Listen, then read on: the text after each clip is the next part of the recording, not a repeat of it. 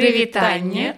Сёння да нашага стройнага хору галасоў далучыўся трэці голас. Але ён таксама настасен я тут Магчыма вы здзіўленыя што мы записывалі падкаст літаральна калі ў пачатку месяца. Нядаўна.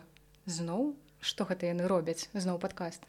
Якая але... муха прадуктыўнасці нас пакусала. Але як нам напісалі на кастбоксе гэты прыхожы каментар які растапіў наше сэрца які нам напісаў наш слухач Масім што ў беларусі за год столькі ж сонечных дзён колькі раз за год выходзіць ваш падкаст бо ён як праменчык соніка зробіць добры настрой на ўвесь дзень. І мы подумалі што трэба даваць вам больш праменчыкаў але толькі на снежань.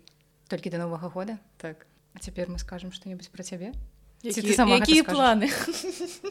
Так вось настасю адразу. Якія месцы ў кар'ер. Рэч у тым што гэты падкаст будзе незвычайны бо магчыма гэта у апошні падкаст на нейкі час. Я буду казаць так. Я б сказала что апошні выпуск кніжнай шафы у такім фармаце у якім вы яго ведаеце. Так. не будзем неяк заканчваць драматычна. Так без без драмы бо рэч у тым что я пакідаю кніжную шафу. Ну фізічна я я просто не магу казаць што я яе пакідаю там што куды ты куды яе пакіну сэнсе що вы тут без мяне рабіць я как дырэктар кажу што трудовая кніжка застаецца так што працоўна гэта галоўнае так.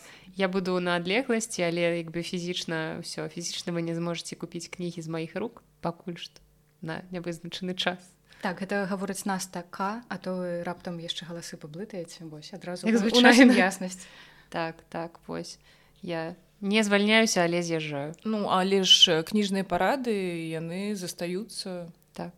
Мы будзем думаць над тым як у якім фармаце. Ну збольшага мы ўжо прыдумалі мне здаецца у якім фармаце падказ будзе існаваць далей. Вы ўсё яшчэ будзеце чуць нас часам дваіх часам траіх. Ну, мне здаецца што калі гэты фармат атрымаецца абавязкова трэба зрабіць бэкстейдж і сфоткаць яго і пака... ну, паказаць так, адбываецца насамрэч так так. Рацей паглядзім што там будзе далей а пакуль што ў нас 23 выпуск здаецца ці 23 так. якой прыгожы так цябе ж дзень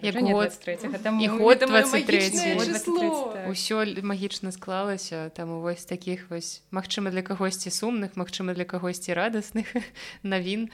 Мы пачынаем гэты выпуск ён такі ну не только праз вітальны мы ж не развітваемся ён трошки падсумавальны мы вырашылі сёння вось паклікаць настасю і зрабіць гэты выпуск разам а пасля мы з наста яшчэ раскажам наши асабістыя топы по прачытаным за гэты год. І мы вырашылі што раз ужо пра фільмы серыялы музыку мы вам расказалі а самое важное у як мы уже жартавалі тое пра што як бы наш падкаст кніжкі про гэта мы вам раскажам сёння про наше найлепшае прачытанае і найгоршае таксама. Так і яшчэ за гэты час які мы тут папярэдні раз збіраліся гісторыі не назбіралася акрамя адной. І мы яе заспелі цябе яшчэ засталіся. так. але можемм пачаць з таго што у нас на днях была маці з дзіцёнкам і і колькі там было хлопчыку? Хады чатыры можа? Тры? Я абсолютно не ўмею вызначаць возраст дзяцей при тым што я маю малодшага брата але, але гадоў. так. ну здаецца каля чатырох. Ну, ён у яе шэптам запытваў а это што чайная? Яна кажа не кніжная трэба просто побач з кніжнай шафай вось вам пакуль это. Мяне не будзе можете э, зрабіць франшызу. Яшчэ побач адкрыць чайную шафу кніжную шафу што там вінная шафа вінны шкаф ёсць ён толькі не шафа. А ну але ж калі б яны называліся вінная шафа мне здаецца гэта было б нашмат леп нашмат А яшчэ зноў нядаўно ў кніжнай шафе пачула чалавека які казаў шафа і гэта чалавек які ведае шафу вельмі даўно але ну, ну я вельмі часта чую шафа і звычайна гэта за мяжой это вельмі па-французскі. Так. я іх не это не выправляю таму што гэта не не гучыць ажурна ну так флёр такі французскі вспомнила гісторыю як мяне знайшоў чалавек таму што я працую кніжнай шафе дарэчы так. Раскажы бо гэта гісторыя не ўбачыце такога ніколі. Так гэта гісторыя пра чалавека у якога не было телефона ён неяк выйшаў з адпачынку. Ну будзем зваць усе, гэта... усе мы ведаем дзе зараз так, адпачынкі. адпачынак. Няма ключэй няма телефона чалавек прыйшоў дадому ніхто не адчыняе дзверы. І адзінае што змог зрабіць гэты чалавек паспытаць телефона у свайго суседу і знайсці ў інтэрнэце кніжную шафу. Вось так чалавек атрымаў усё. І ключы телефон і усіх сваіх родных і блізкіх. Есть плюсы пэўнай медыйнасці калі у тебе ёсць нейкая рэч вядомая медыйнай прасторы у якую можна патэлефанаваць то тебе заўсёды лёгка знайсці. Бо мы живвем у такія часы калі людзі абсалютна развучыліся запамінаць нумары телефону Ну думаю што з нас запамінаюць самі телефоны ну самай наша прылады Так. А і калі што ну гэта такая добрая нагода калі што людзі тэлефануйце мы дапаможам загубіліся ў гэтым жыцці тэлефануйце ў кніжную шафу. А можете і прыходзіць адразу так калі вам патрэбны ключы ад кватэры ўсё знойдзем. Так у нас дарэчы ляжаць ключы якія нам прыносяць ужо дзве пары по-мойму. Просто дзеці знаходзяць на вуліцы яны звычайна так, знаходзяць вечарам тут? калі таварыства ўжо не працуе. А наше памяшканне размяшчаецца побач з таварыствам і яны прыносяць і пакідаюць нам маўляў ну можа хтосьці вось з жыхароў згубіў дык зойдзе. Але ніхто не заходзіць здаецца і... у нас двое ключоў ляжыць. Так, і... і провод от айфона. лазер нейкі яшчэ акуляры карацей калі раптам вам штосьці трэба з гэтага прыходзіць. Так, так такую службу па знаходжаным і па рэчам так. Ну і раскажу гісторыю з мінулага разу пра тыпы кампліментаў якія вы можете пачуць ад наведвальнікаў кніжнай шафе. Да нас завітаў мужчына які шукаў кнігу для подлетка ён глядзіць на мяне і кажа ну вось трэба падабраць кніжку для хлопчыка подлетка вось уявіце сябе 5 гадоў таму і я разумею што 5 гадоў таму мне было 25 я ему кажу што ну як бы не 5 гадоў 15 таму ён кажа ну вось бачыць які цудоўны камплімент атрымаўся ну такі сабе камплімент шчыра кажучы. Ну, ён неяк выкруціўся за тое тыпу сказаў штосьці прыемнае быццам але насамрэч ты не зацаніла я не вельмі люблю такі ну чаго вы чакаеце калі кажаце даро... ну я лічу себе дарослай жанчынай можна сказаць што я дарослая жанчына можна? але калі хтосьці мяне параўновае з падлеткам ну гэта ўжо не так прыемна.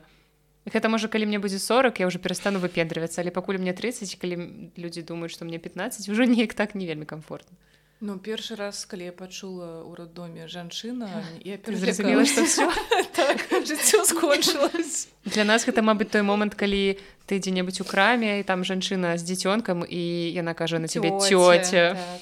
Я думаю ну каш я цёця гэта як мяне аднойчы назвалі цёцяй перад шчанюком нейкім. Так я гэта просто было неверагодна. Ладна перад дзіцёнкам але перад шчанюком. Мяне больш пужае што гэта жанчына наогул размаўляла са сваім шчанюком і называла ну, цябе нармальна Ну, ну ты ж размаўляеш з котом я так. таксама размаўляю са сваімі катамі мне ну. просто няма жывёлу я не разумею але мабыць таксама размов скардзілася б яму на жыццё што ён бы збег ад мяне вельмі не, бы не збегалі бы слухаў А яны разумеюць менавіта калі на іх ты, ты ім парады даеш ці там ругаешься яны ж бачаць все і разумеюць і падтрымліваюць прыходзіць тебе на пусіка ну, легчы так, і пагрэльваецца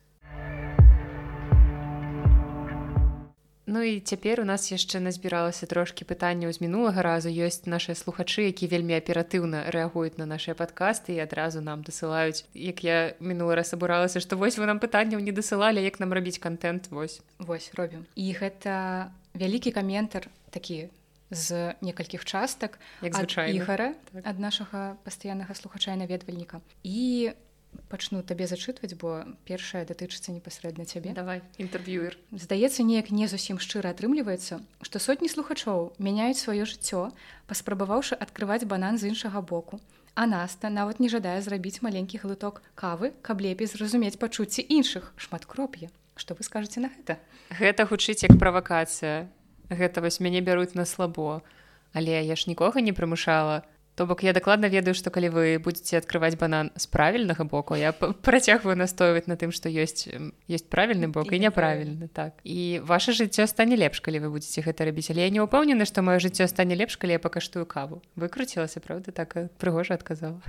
Ну выкруцілася але ўсё роўна я за тое асуджаеш мяне не я тебе не асуджаю але я калі ты не спрабавала так ты не ведаеш спадабаецца тебе ці не Тебе ну, але... не падабаецца толькі канцэпцыя ну то есть не, вы... мне і канцэпцыя ну і мне нічога не падабаецца не пахне я ўпэўненая што мне ну не ўсё ж трэба каштаваць каб разумець што оно табе не спадабаецца не так это не працуе Не, ну, зразумела што не трэба спрабаваць прыхаць прыгаць з 9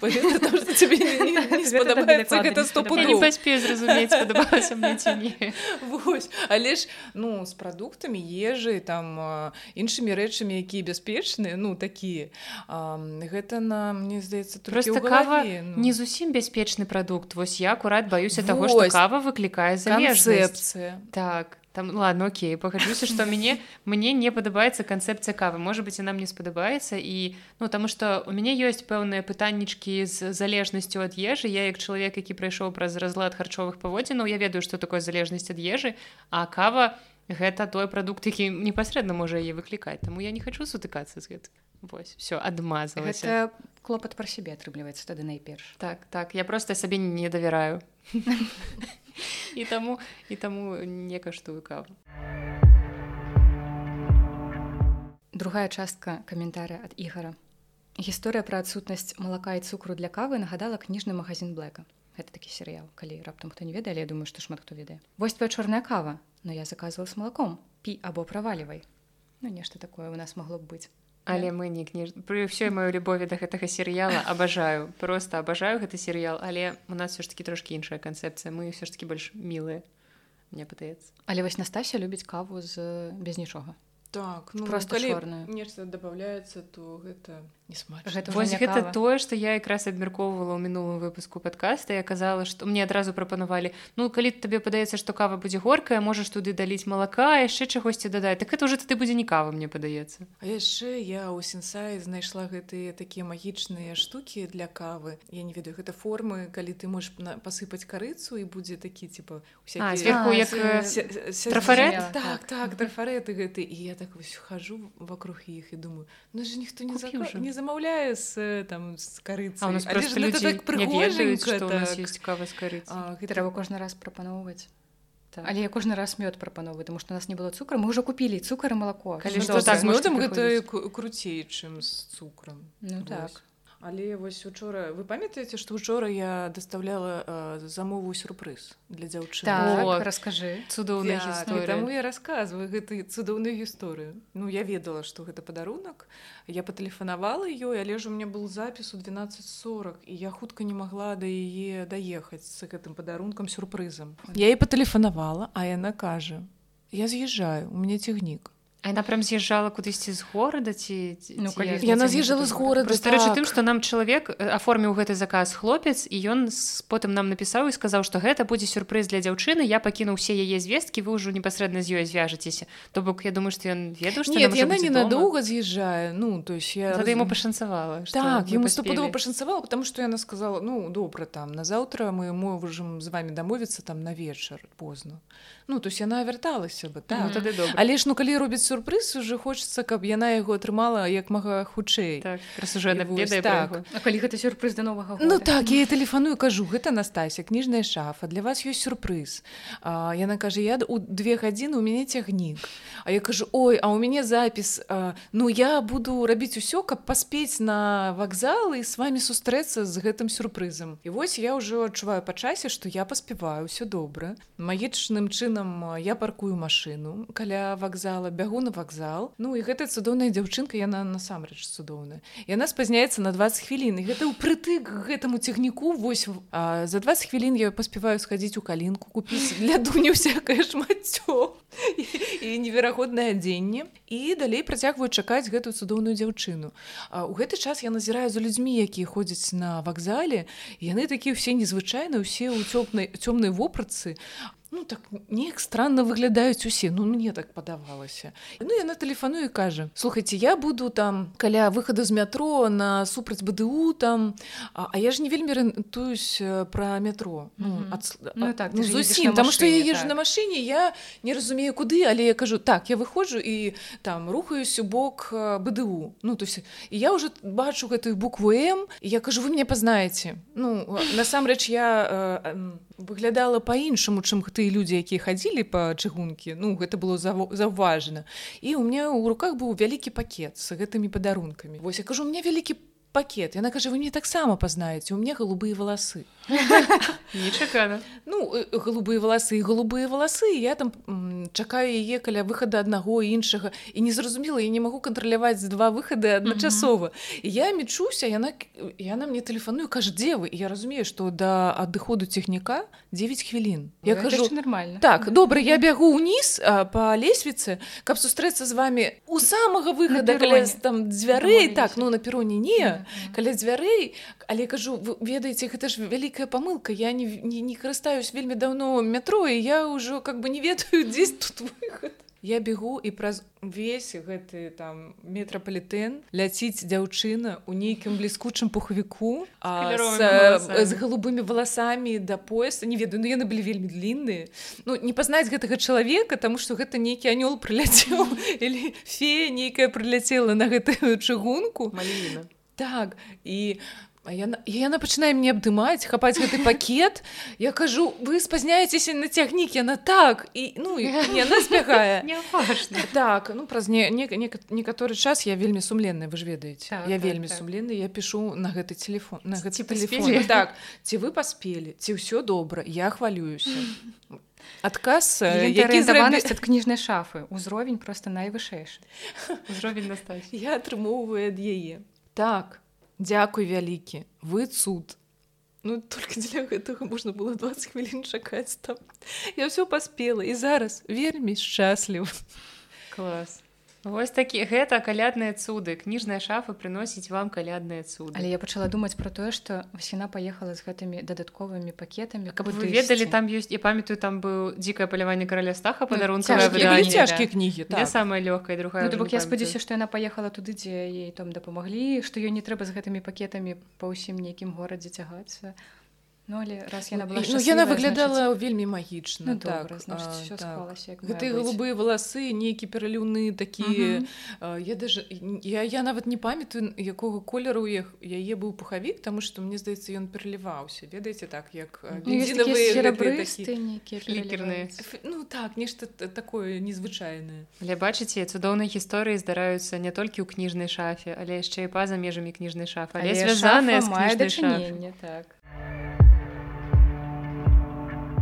Я яшчэ згадваю калі Настасія ездзіла завозіць нейкую дастаўку ў такі цудоўны раён мінска які называется мінск мір цудоўную двукосць і заблука так. телефон Таму што у яе навігатар у тэлефоне паказваў стары відаць там старая карта была са старымі нумарамі дамоў дамы такі драўляны і яшчэ да мінск міра ўсё што так. там было меня прыводзіла да гэтых дамоў якія яшчэ не, не, не знеслі яны насупраць гэтых вялікіх дамоў у мінск міру. І все навігатор мне прыводзіў туды я ніяк не могла трапіць. Я бачу вось гэты надпісы гэты я открыла карты і глядзела якія там крамы якія гэтыя раёны іх не дамоў. Ну ладно хоць дамы неяк называюцца але ўсё атрымалася паспяхова. Ну, але з дастаўкамі вельмі шмат прыгодаў канешне бывае так менавіта калі вось сюрпрыз вось я памятаю мы таксама падарунак нейкі вазілі ў серабранку или куды. І я памылілася і амаль што гэты падарунак забралі іншыя людзі так а, самае цікавае што людзі не адмаўляюцца ну, так, сюрпрыз і сюрпрыз ну, так дарэчы калі сюрпрыз ты ж не можаш дакладна сказаць што не гэта не мне так раптам а яшчэ на адной дастаўцы закліняла дзверы і вось мы ўжо са всеми жыхарамі гэтага дома. Пад'ездзе так у пад'ездзе там застралі там ну ўсё і мы не маглі ніяк выйсці мужы там пачалі ўжо адзін паміж іншым спалучацца неяк тому что ну, што нам было рабіць у гэтым пад'ездзе ну мы потым ее выбілі выбілі нормально так Ну так што вось мы чакалі чакалі спрабавалі тэлефанаваць не не, не, не пашкодзілі яе але ж ну вось. Бачце гэта тая рубрика якой яшчэ не было ў кніжнай шафе вось мы з насты рассказываем гісторыкі тут адбываюцца але ёсць вось Настасія якая ездзіць па дастаўках я памятаю мяне таксама была даволі незвычайная гісторыя не так даўно я завозіла нейкую дастаўку таксама здаецца у мінск мір так. Так і я дзяўчына сама не магла забраць она папрасіла забраць свайго сябра ён чакаў мяне і аказалася што гэты сябар і гэта мой знаёмы. Вось і гэта быў такі трошкі няёмкі момант таму што калісьці мы не на вельмі добрай ноце перасталі камунікаваць. Ну і карацей так ну трошку трошку дзіўнавата. Пасля гэтага я баюся завозіць вось яшчэ адна была дастаўка яна была насупраць маёй былой школы А вось. Гэта таксама ностальгічны момант. Я не зразумела гэта таму что там неяк так вуліцы на, на, на назвы по-іншаму і вось атрымоўваецца что гэта быў адрес з іншай вуліцы але ж гэта вот менавіта насупраць маёй школы. Но у меня некая такая ностальгія была тому что у меня вельмі была крутая школа а зараз гэта кадзецкі каледж нешта такое. А у меня была такая добрая музычная школа. Цікавы пераход. Ну, музычнай ну, школы. таму что музыкі яны ж не патрэбны патрэбныя вось мне здаецца ну, да. час такі іншы. А ты завозіла калі-небудзь настаўкі Але гэта было калі яшчэ у нас плёнка была я дакладна завозіла плёнку. А кніжкі не памятаю. Можа быць яны былі разам з плёнкай. Ну, так не. у тебе няма цікавай гісторыі пра дастаўку. Я спрабую успамінаць яшчэ. Аднойчы я завозіла дастаўку і ціскала сабаку. А, вось апошнія дастаўку я завозіла і там у А, я ўж нават не ведаю колькі дзён гэтаму дзіцёнку ну, здае вельмі маленькі вельмі там тыдні. Ну я гэта зразумела таму як яна атрымала. ну, ты, да, так, ну, я зразумела я што... подумала што яму гады два.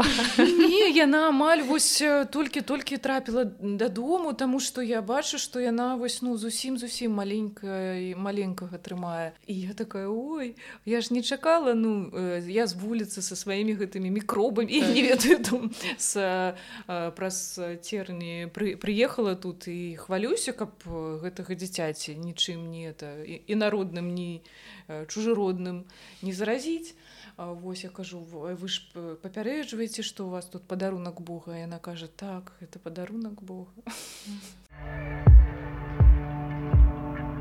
наступнае пытанне ад ігара ці не здаецца вам што падсумаванне робяць толькі тыя беларусы у каго год быў не вельмі. Робяць і сумуюць мне не падаецца бы падсумаванне просто робяць усе звычайна не робяць. Я ніколі не рабіла падсумаванне але ж вось шчаслівы беларус. Аднойчы вось попрасілі мяне ў гэтым годзе у пісьме зрабіць гэтае падсумаванне яго зрабіла. І першы раз у сваім жыцці і зразумела што маі запаветныя жаданні яны не, не, не. спраўдзілись ні ў гэтым не ў тым не ў пазатым гэта сумна і таму я зразумела што мне жыць так жыць і не разумець што тое што там менавіта там у я вельмі вельмі вельмі жадаю што яно не збылося. Просто ёсць мне падаецца два тыпы падсумаванняў. Ёсць вось менавіта такія глобальна жыццёвыя вось калі ты там свае мэты мары падсумоўваеш а ёсць падсумаванні якія вось мы звычайна робім улюбёны кні не менавіта ну. кніжкі ну... нейкія культурныя падсумаванні б гэта так сказала.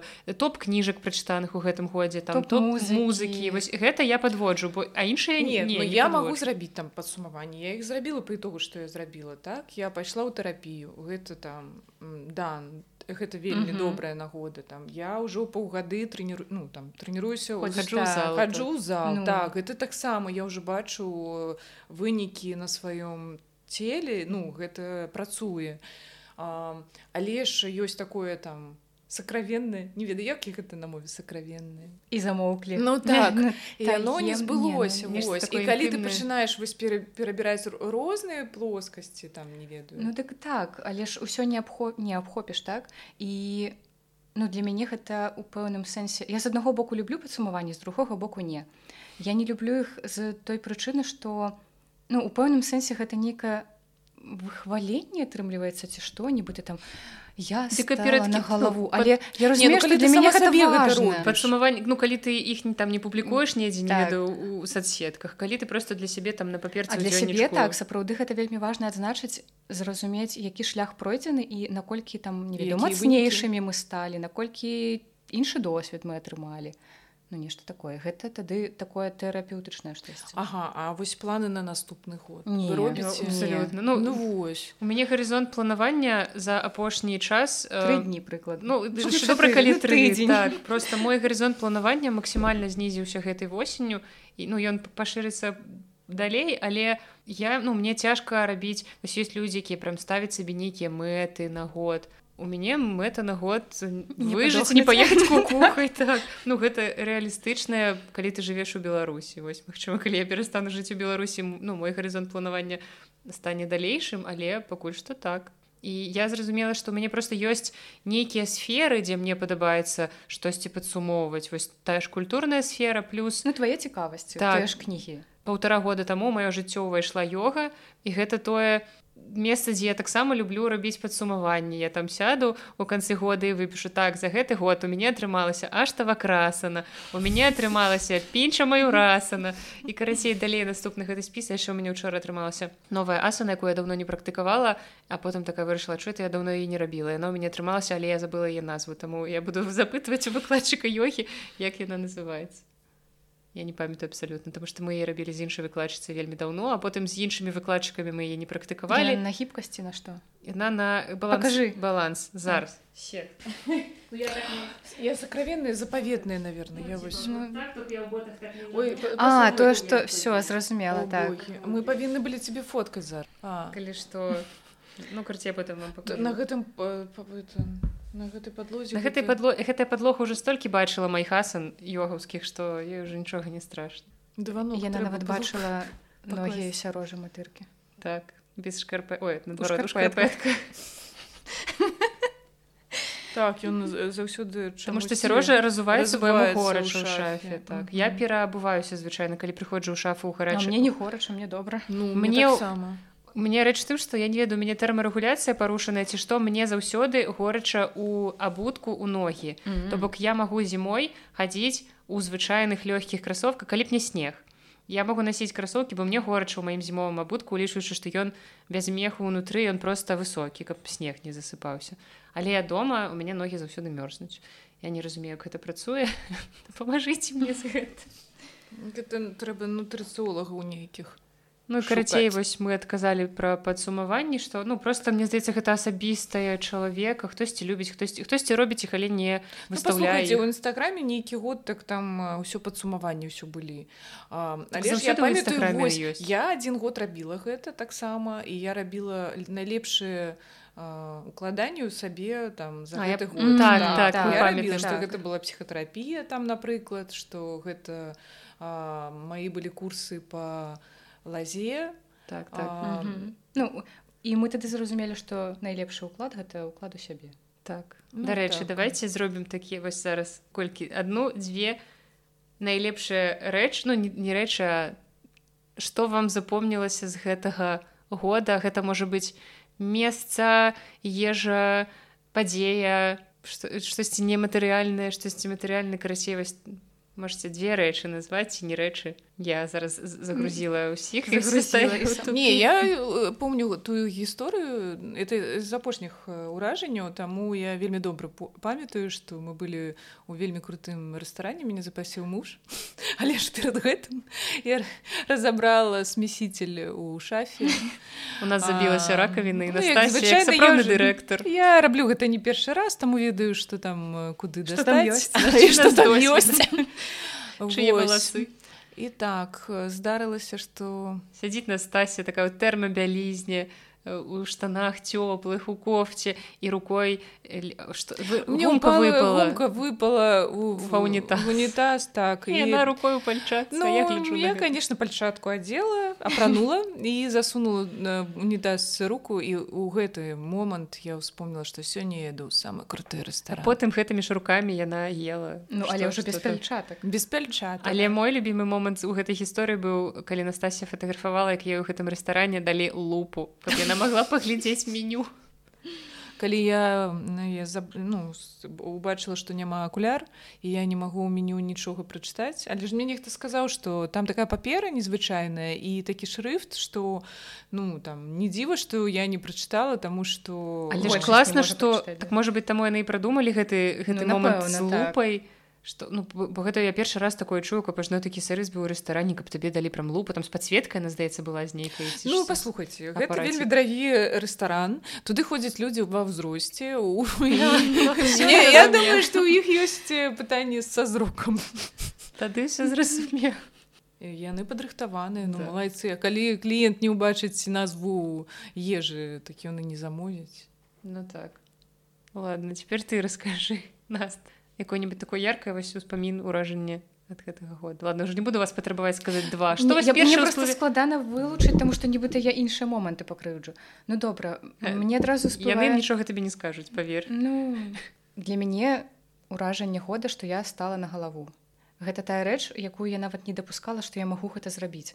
Але атрымліваецца там некалькі тыдняў трэніровак і ты становішся на галаву. І аказваецца што рэч не ў сіле рук а у, у балансе. Як усё ў жыцці і для мяне гэта было такое здзіўленне так адкрыццё годы блин я могу я просто памятаю як я э, калі пайшла на йогу навучылася стаять на галаве я перыядычна гэта показывала і нас так глядзела ты така... мяне вось гэтым натхніла. Яна нават что ты сказала что гэта реально зрабіць а я не допускала я патлумачыла у мяне ніколі не было страху я заўважаю гэта шмат у якіх людзях на ёзе что яны баяцца рабіць многія асаны бо баяцца выпасці з іх. Напрыклад стаць так. на ту ж галаву і там не было страшно упасть зламаць. так А ў мяне ёсць такая штука я не ведаю можа ў дзяцінстве просто у мяне недзе адключыўся гэты інстынкт самазахавання і мне абсалютна не страшна людзі там пачынаюць трэніроўкі каб стаць на галаву з падыходаў да сцяны я ніколі не пачынала са сцяны таму што я ведала што гэта будзе для мяне лішне нейкія мыліцы якія мне не патрэбны я я магу гэта зрабіць так і я ніколі не думала про тое што я ўпаду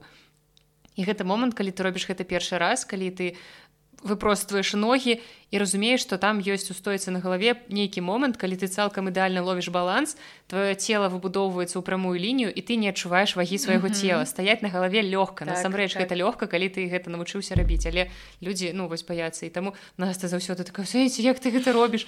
А потым я гляджу побач са мной стаіць і падымае ногі наверх і нармальна і ніхто не памёр.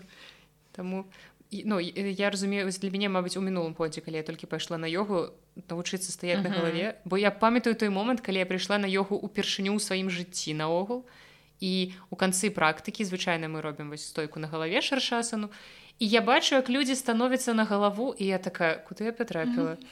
я тут пальцамі да зямлі пакуль што не дастаю ў нахіле а яны на галаве стаяць і для ну бо візуальна гэта выглядае пагадзіцеся так эфектна. Так. Ну улічваючы што гэта не зусім як бы ты на галаве стаіш на перадплечах але гэта ну такая эфектная штука што я думала блин я хочу гэта зрабіць. І калі праз пару заняткаў я стала на галаву такая ну ладно не цікава. Ну давай цяпер твоя моя Мабыць у мяне будзе глобальнае вялікае ўражанне гэта будапешт. Mm -hmm найважнейшая рэч якая здарылася са мной у гэтым годзе гэта тое што я трапіла ў бутапешты пражыла там траціну года. Атрымліваецца 4 месяцы з 12 я кінуўшы кніжную шафу і я правяла ў будапешце. І гэта ну шмат ну гэта такое глобальнае ўражанне але вось з найбольш яркіх уражанняў менавіта звязаных з гэтым горадам гэта мой дзень народзіну 20 жніўня які я правяла там і які супаў з нацыянальным святам гэта дзень святого іштвана гэта свята на якое там некалькі мільярдаў еўра сёлета было патрачана ў будапешце.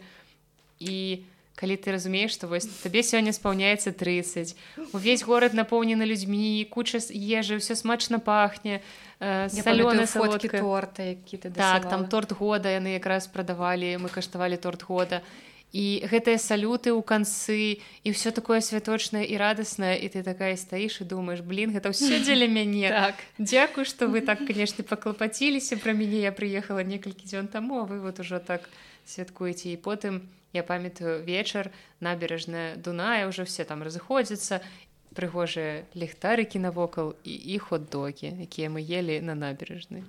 Файна. Захацелася лета. Хот-дог мне хот-дог захацелася вялікай воды.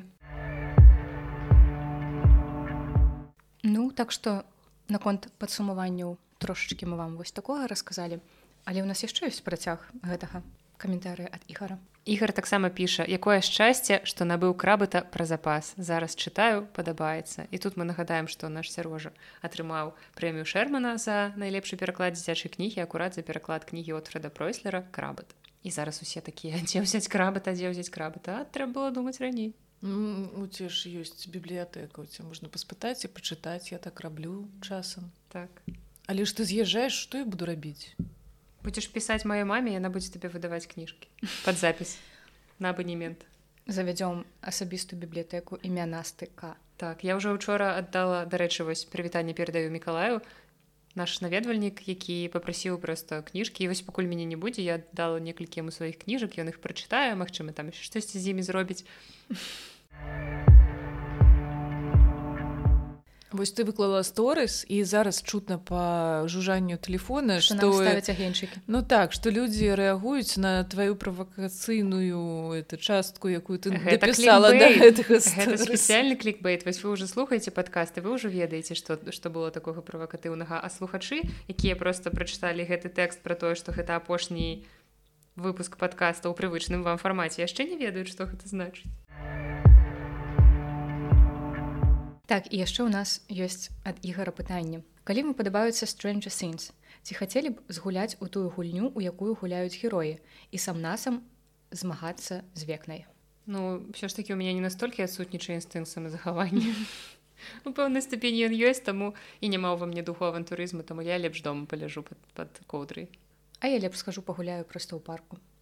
Ну то бок мы адказ так, катэгарычна супраць і хочам каб ўсё ж такі больш светлага было ў гэтым жыцці. Ну і апошняя хвілінка духнаты як напісаў ігар падзеі баншы і нішарына адбываюцца ў ірландыі а не ў англіі. Я зараз спрабую сутархава ўспамінаць я мабыць казала англія да? Ты вось не памят я не памятаю ну, так я памылілася даруйце часам такое бывае. гэта нармальна. Ну што яшчэ вы хочаце сказаць Настасья, что ты хочешь сказать? Я про гэты падсумаванне што ну таких а, яркіх момантаў насамрэч ну, вельмі шмат яны па ну, па накальнасці там унутры яны розныя ёсць так, не вельмі вясёлыя так. не вельмі там ёсць рэчы ж... нельга параўноўваць нават Ну ёсць рэчы які я не магу нават агучыць каб вы разумелі mm -hmm. так вось Правильно. гэта здарылася са мной і ніколі не здаралася вось там mm -hmm. у гэтым годзе здарылася і канешне гэта я не забуду ніколі але ж я нікому гэта з не магу расказаць вот у такі Ну гэта падсумаванне для цябе. Гэта ты ставіш унутры сябе такую птушачку што вось гэта такі досвед я атрымала і выніку ён все ж таки атрым... ну і так эмацыйна. Ну канешне там рассказала про унітаз і рэстарацыю але ж там сустрэся з чалавекам які знайшоў мяне по інтэрнету так. гэта так, нашмат там больш, больш каштоўная рэч чым вось там нейкі рэстаран. Не, ну, думаю, сама сёлета разумеюць так у нас у розныя вось гэтая градацыя як ты кажаш не ўсё можна параўноўваць і вельмі шмат сапраўды вось калі азірнуцца дарэчы я сёння знайшла ліст якія пісала сабе як бы з мінулага у будучую гэта было адно з задання так. Я тебе зараз раскажу. Вось гэтай кнігі ірыны гіперман якую мы згадвалі ў мінулым там абмеркаванні калісьці ну не не хош это было яшчэ просто ў межах твайго падкаста. Карацей кніга псіхалагічная трэнінг і я е купила у канцы мінулага года і пачала чытаць. Там адно з заданняў было напішыце сабе ліст у дзень роўна праз год то бок гэта было 17 снежня 22 -го года ліст атрымліваецца 17 снежня 23 -го. я яго сёння прачытала я праслязілася тому что з таго моманту глядзіш у сённяшні так ты разумееш вось гэты шлях пройдзены разумееш колькі такога адбылося пра што нават немагчыма было падумаць колькі ўсяго пройдзена колькі ўсяго змянілася якія людзі побач якіх людзей больш побач няма і гэта настолькі ну гэта так вось здаецца год але ты адчуваеш сябе іншай так. То есть ты уже не тая. Так і гэта просто ну, ніколі не будзеш адчуванне так. Ну гэта неверагодна так. Гэта эксперымент які патрэбна правесці тому что я мне здаецца ніколі такога не рабіла калі я яшчэ вучылася ў школе гэта былі там недзе апошнія класы школы калі ўжо пачаў як бы у нас інтэрнет развівацца ў прынцыпе і на телефонах мы актыўна карыстацца сталі інтэрнетам і тады быў вельмі папулярны сервіс вось такога кшталту лісты ў будучыню ты мог пазначыць свой e-mail і напісаць сабе ліст і напісаць дату праз якую табе гэта прыйдзе. І я памятаю што я по-мойму вырашыла паставіць вялікую вялікі прамежак часу недзе там 4 ці 5 гадоў. Ого. і вы уяўляеце калі ты праз 5 гадоў ты ўжо забыў нават пра тое што ты калісьці гэта пісаў увогуле пра існаванне такога сервіса што ты рабіў гэтае дзеянне і праз 5 гадоў недзе я атрымала гэты ліст і я просто афікела у мяне было такое адчуванне што гэта пісаў і нейкі іншы максімальна іншы чалавек при тым што я не скажу я што я прям так моцна мянялася з тых часоў але іншыя каштоўнасці іншыя цікавасці і тое што мяне хвалявала тады мяне ўжо не хвалявала. Прычым цікава што калі б я рабіла там не ведаю з 25 у 30 гэта можа не так паказальна як калі ты гэта робіш там з 16 у 21 бо нібыта ты прайшоў ну, неклеткага так, так. дарослае жыццё такі... умоўна дарослая бо такі конечно. І гэта было просто такое выбух мозгу трошки адкрыццё што вось так у жыцці здараецца наколькі моцна ўсё мяняецца. Mm -hmm. а просто я вось зусім недавно пачула у кагосьці я ўж не памятаю у каго што вось там у нашым жыцці некаторых людзей няма так і няма ўжо такі доўгі час. І ну і гэта не значит што я яны там памерлі не яны жывуць сваё жыццё. І вось яны ж сваё жыццё жыць жывуць і гэта зусім іншыя людзі з якімі там табе вось ну ўжо нічога агульна нічога агульнага так. Mm -hmm. і а, калі там людзі часам сумуюць ці застраюць у гэтых там перажываннях яны сумуюць ну па неіснуючых так. людзях месцах абставінах. І тады это бессэнсоўна ну і такіх гэта добрыя добрыя нагоды рухацца далей там ну окей все гэта так, гэтага не існуе і таму вось важнасць гэтага моманту цаніць тое што ёсць таму што ўсё яно як бы пройдзе. І атрымаць нейкі максімум з таго што мы зараз маем мне здаецца гэта такой такі вельмі ну, мы прыйшлі да ёгаўска дзенскай э, думкі. Пытанняў. все існуе толькі зараз. Ну так так і ёсць.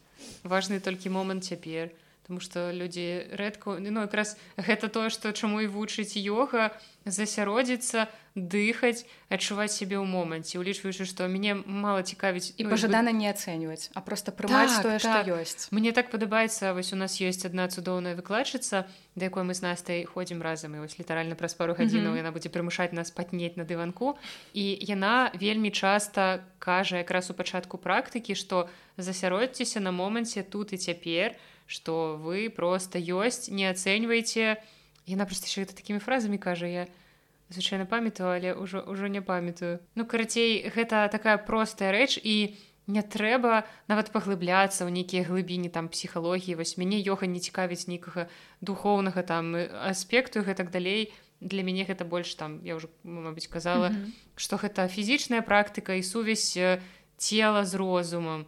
Калі ты не у момант выканання нейкай асаны засяроджваешся на сваім целе на сваім дыханні а не на тым что там табе дрэ дома трэба посуд перамыць і гэтак далей. Вось ну як бы і вось вельмі важны часам просто сесці выдыхнуць і, і асэнсаваць што ты зараз адчуваеш якая нага ў тебе баліць дзе ў тебе там чухаецца а не думаць пра тое што тебе трэба там кудысьці бегчы што ў тебе еще там мільён спраў чыста вось на 5 хвілін. Засяродзьцеся на сабе хоць раз. Это для мяне калісьці была такой прарыўной думка про тое что цела гэта адзінае што знаходзіцца непасрэдна ў моманце вось цяперашнім Таму што думкамі мы можемм скакаць куды заўгодна ў мінулае будучае А вось цела яно як бы ну чаму і кажа сядзіць так вось вяртае нас у гэты момант што звязвае з рэальнасцю менавіта з тым што насамрэч зараз існуе Таму трэба калі ты спіш каб тебе пашчупалі каб ты зразумеў што ты не спіш. зараз тады тады пытанне А чаму ж у некаторых такая патрэба рабіць нешта з, гэт, з гэтым целам і гэта не вельмі часам здаровае там? Ну вось напрыклад людзі там ты пра аперацыі так, так, ну, так. гэта імкненне да нейкага ідалу якім яны сябе бачаць. Тут просто шмат аспектаў або пра гэта можа быць ад уласнага непрыняцця сябе якое можа ісці яшчэ з дзяцінства калі там дзяўчынцы ніколі не казалі бацькі што яна прыгожая ці наадварот што яшчэ горш казалі што яна не прыгожая там што ідзі вучыся ўсё роўна там сабе багатага мужа не знойдзеш са сваёй знешнасцю. Вось нейкі такія шкодныя дэструктыўныя фармулёўкі. і і ў яе можа скласціся няправільны вобраз пра уяўленне пра сябе або калі ты таксама наглядзіся ў інтэрнэце на всякихх прыгожых цётак на фотошопленымі ну, тварамі вот я правіла пайти на югу а не рабіць нешта з, з, з губамі так йога і тэрапію ўсё што нас вырату ну, насамрэч любая фізічная актыўнасць так это дафаміны і гэта прызводныя шчасце калі ты глядзіш на сябе пасля йогі з растрапанымі валасамі з чырвоным парасячым тварам ты адчуваеш сябе самым прыгожым і самым гарманічным і самым шчаслівым чалавекам у свеце Ну пасля ёгі ты прыгожанькі не надо уже не, ну, мне твару вось ёсць ведаеце такія дзяўчаты я зайздрошчу ім якія пасля фізічных нагрузак вось выглядаюць сапраўды міленька яны лёгкі нейкі такі ружовасць на твары а А я выглядаю як просто потная парася. Я, ну, я не ведаю мне трэба мабыць так, не моцна ну, нагружаць не ну гэта не з некага праблемы з любою да сябе так ёсць але ну гэта аб'ектыўная рэч што я пасля асабліва пасля бегу. Пасля як яшчэ не так моцна бо пакуль мы ляжым у шаваса не я паспяваю астыць так. Але вось калі я прыходжу ну, бегу я прыгожых не бачыла вот пасля бегу я прыходжу і ў мяне просто у пульсуючы чырвоны яркі твар при тым что я звычайно так і задыхаюся і вось гэта ўсё при тым что не той каб я там таксама моцна нагружаюсь. Ну а цяпер мы з настай як і абяцалі подзелімся з вами тым чаго вы так чакалі Мабыць ад нас. Зараз мы завалім вас просто кучай кніжак. Атрымаецца па 20 40 кніжак у гэтым падкасці. Я так. нават не ведаю ці змяшчу я іх усе ў апісанні але што-небудзь прыдумаю на гэты конт але мы постараемся не зацягваць бо я ведаю як цяжка бывае слухаць такія працяг Я думаю что мы можем літаральна пару слоў пра нейкае ўражанне наша так, штосьці самая яркая з гэтай кнігі нават не апісваючы сюжэт вы заўсёды можете прачытаць анатацыю А мы будзем размяшчаць ад пятага месца да першага так, так. мне спадабалася ў мінулы раз але пачакай я не я не придумала ранжирование. Вось я таксама я можем не, просто без я... ранжирования ці ты хочаш 5 лепшых так. Давай без ранжирования. Давай без ранжирования. Сила воли плюс характары мы вырашылі что мы будем. Просто ніякія не топ-5 то бок гэта просто 5 найлепшых кніжак кожная з іх по-свойму добрая ніводная з іх не вышэй за астатнюю прыкладна так. ну прыкладна плюс-мінус так. І пачынаем мы з мастацкай замежнай літаратуры бо так. у нас яшчэ будзе беларуская але давай першы першы пункт.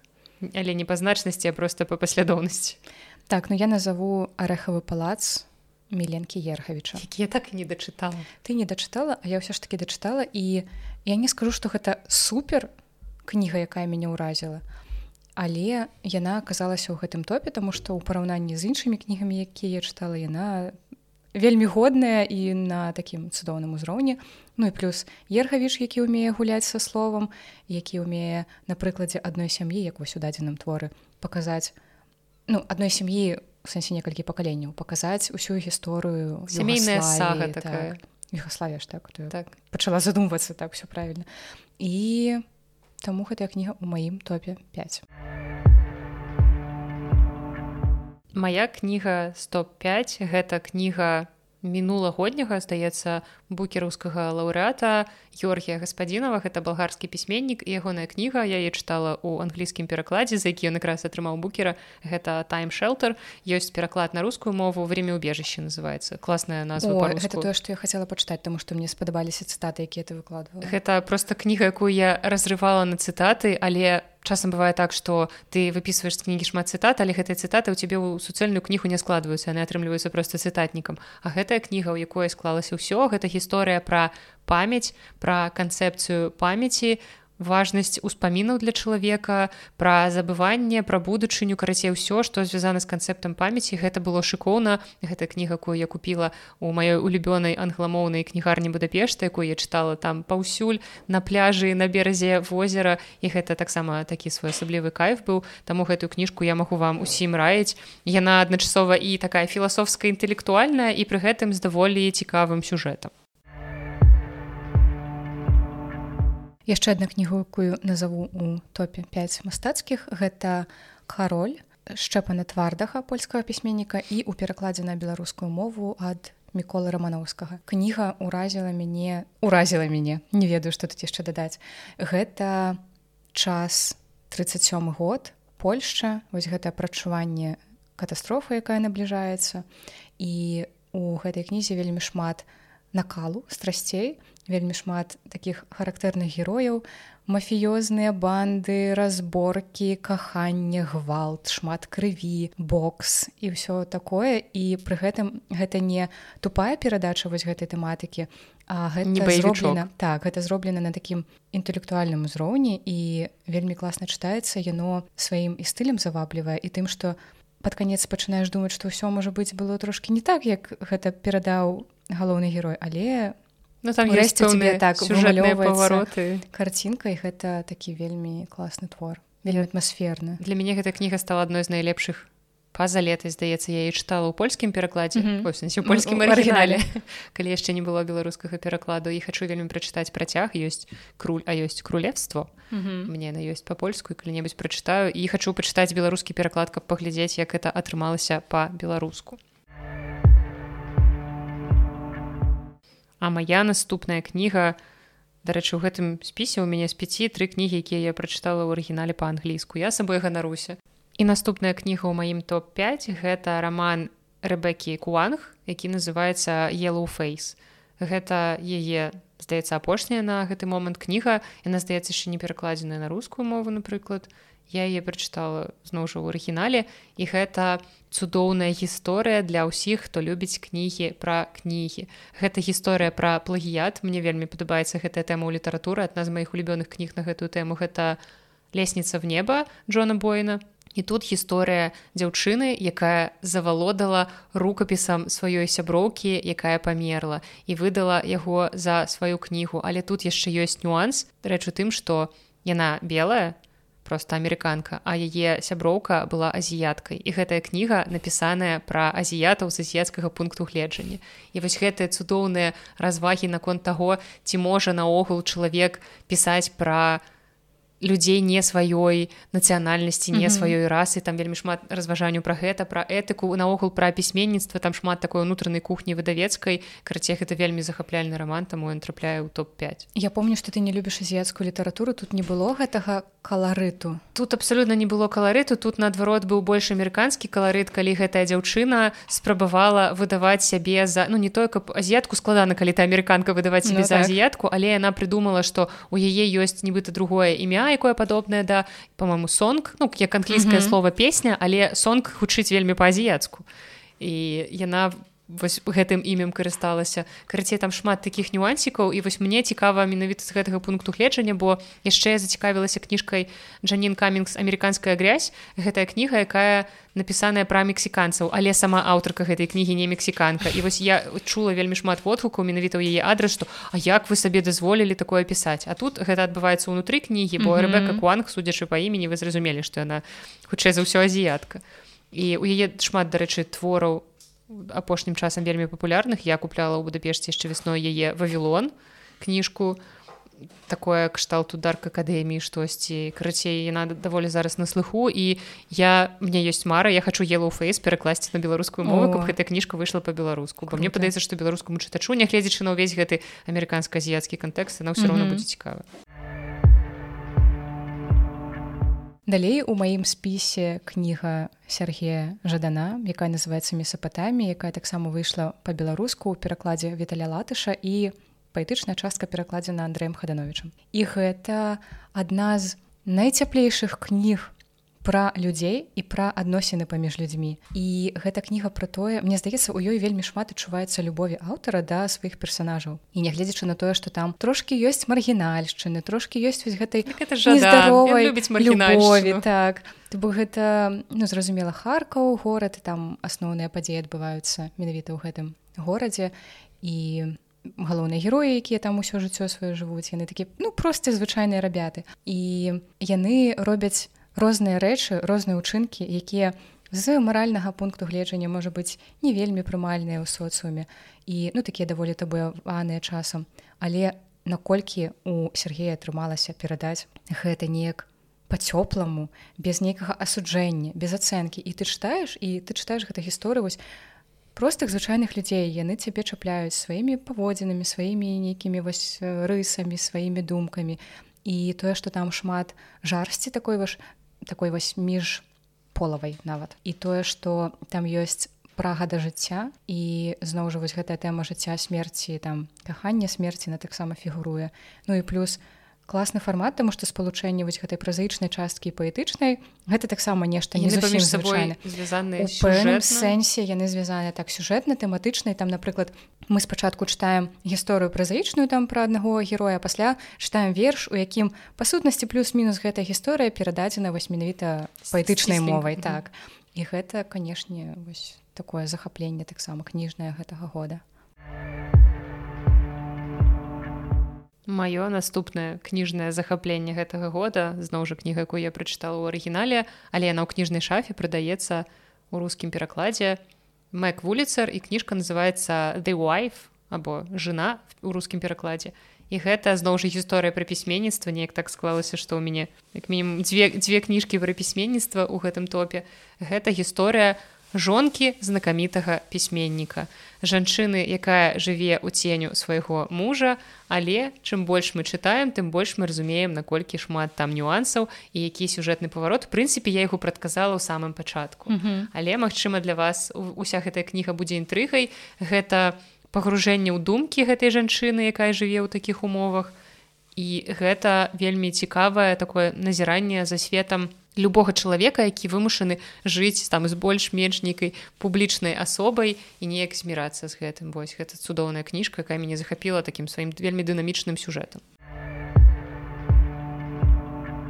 А ў мяне далей будуць дзве кнігі аднаго і таго ж аўтара.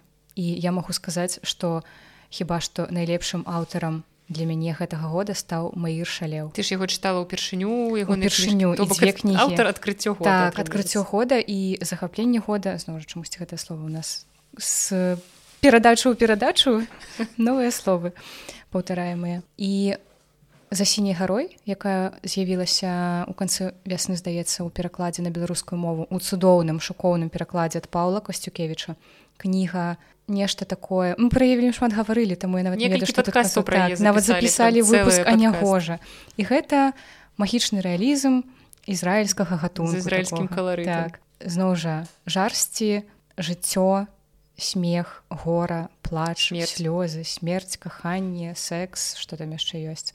Крацей ўсё ж чым напоўнена наше жыццё ўсё ў гэтай кнізе перададзена і э, яна вельмі класная стыль я просто у захапленні так я гэту кнігу як бы у топ-10 нават мой она не трапляе бо я зашмат кніжак mm -hmm. чытаю але яна таксама высока і такое адкрыццё ізраільскай літаратуры для мяне якой мы як бы не шмат чытаем у прынцыпе наогул і не шмат ведаем. І моя наступная кніга гэта дзіцячая кніга мы не рабілі асобны топ дзіцячых кніг але гэта кніга вартая таго каб трапіць ажно ў мой больш глобальны топ. І гэта цэлы цыкл бо сёлета я яго дачытала там здаецца 6 кніг калі не памыляюся. І гэта кнігі французскай знакамітай аўтаркі Мары от мюрай і гэты цыкл называется спаситель і сын гэта адно з маіх у найгалоўнейшых адкрыццяў увогуле у такой дзіцяча-падлеткавай літаратуры пры тым што на кожнай кнізе гэтай здаецца стаіць абмежаванне 18 плюс. Але гэтыя кнігі пазіцыянуюцца як дзіцячыя і ў іх сапраўды закранаецца велізарная колькасць пытанняў якія цікавіць дзяцей і падлеткаў. А з якога б узросту ты раіла гадоў з 12 Ну недзе каля таго бо там ёсць дзеці рознага ўзросту. Наогул гэта гісторыя у псіхолага які прымае дома у яго ёсць сын маці гэтага хлопчыка памерла ягоная жонка і вось яны разам з сынам жывуць. Сыну здаецца на момант першай кнігі ці то 8 ці то 9 гадоў. А бацька якраз псіхолог які займаецца працуе з дзецьмі. Дзеці да яго прыходзяць са сваімі праблемамі бацькі прыходзяць са сваімі дзецьмі і гэтак далей. І вось у сярэднім узрост яго пацыентаў недзе каля 12 таму я лічу што мне падаецца з гэтага ўзросту ўжо можна размаўляць на гэтыя тэмы mm -hmm. але ўсё ж таки мне падаецца для наших бацькоў гэта даволі смелая кніга мало хто рызыкне бы там сапраўды закранаюцца складаныя пытанні і многіх ужо на тэме не ведаю пытанняў арыентацыі гэтая кніга можа неяк у адштурхнуць таму што там ёсць дзяўчынка якая не асэнсоўвае сябе дзяўчынкай не адчувае яна адчувае сябе хлопчыкам і там часам перапранаецца ў мужчынскае адзенне. Або ёсць напрыклад сям'я у якой дзецям трэба змірыцца з тым што маці развялася з бацькам і сышла да жанчыны. То бок вось на гэтым ну, такі вельмі актуальна так узнікнуць пытанне але для французскага грамадства гэта абсалютна нармальнае пытанне таму Мары мюрай адна з найпапулярнейшых дзіцячых аўтарак сучасных я чытала кучу яе кніжак яны ўсе цудоўны Ну і завяршае мой топ-5 найлепшых замежных кніг Маір шалеў з творам у перакладзе на рускую мову ён гучыць як назва как несколько дней і ну бадай што гэта ўвогуле найлепшая кніга прачытаная ў гэтым годзе за мастацкіх. І яна нечым мне падалася падобнай за сіні гарой ну нібыта вось гэтыя дзве кнігі мяне зліліся ў адну. Але ўсё ж такі вось гэтая как несколько дней мяне больш закранула таму што яна больш пра яна больш пра стасункі чым за сіні гарой. І яна менавіта паказвае вось гэтыя ўзаемаадносіны паміж людзьмі. З такога незвычайнага ракурсу. Там ёсць гераіня у якую закаханыя тры мужчыны. Яны жывуць усе ў невялічкі ёй пашанцасёлку як это ну называется машаў да здаецца? Ці машаў? Я уже не памятаю як там правильно ставіцца машаў шалеў так і машаў. Шалеў машаў. Таксама новае імя. І кожны з гэтых мужчын хоча дабіцца вось яе сэрца яны на розныя хітрыкі ідуць і гэта ўсё адбываецца не зусім сюжэтна храналагічна там ёсць пераскокі як вось любіць шалеў і гэты стыль які прываблівае то як гэты аўтар умее спалучаць паміж сабой словы якія вобразы умее даваць і як усё апісваць гэта ўражвае. Беларускі пераклад быў лепш за рускі дык разумееш гэтай жа кнігі няма па-беларуску ну, так, за сіняй гарой калі ты чытала яны адчуванні прыкладна нолькавыя то бок перададзены стылі там і там добра я ж кажу што у мяне нават злілося ў адну нібыта кнігу таму так. Mm -hmm. добрыя пераклады Ну і моя апошняя кніга найлепшая сёлета гэта венгерскі пісьменнік як не дзіўна чалавек які стаў маім адкрыццём бо сёлета я даволі шмат прачытала венгерскай літаратуры і записывала нават пра гэта асобны выпуск свайго падкаста бо мне было цікава раз ужо столькі часу пражыла ў гэтай краіне мне было цікава даведацца пра літаратуру бо шмат згадак літаратурных навокал наогул у Мне падалося, што венгрыя вельмі чытаючая краіна, Таму што ў іх вельмі шмат кнігарняў, у іх вельмі шмат кніг у кнігарнях, шмат мясцовых выданняў шмат вельмі прыгожых выданняў класікі сваёй класікі замежнай класікі. То бок мне падаецца што ўсё з гэтым добра. Плюс я паўсюль на вуліцах бачыла людзей з кнігамі крацей вось у гэтым плане буду пеш трапіў яшчэ і ў гэтым плане мне ў самае сэрца у тым што горад даволі чытаючы і у мяне там з'явіліся ўлюбёныя кнігарні.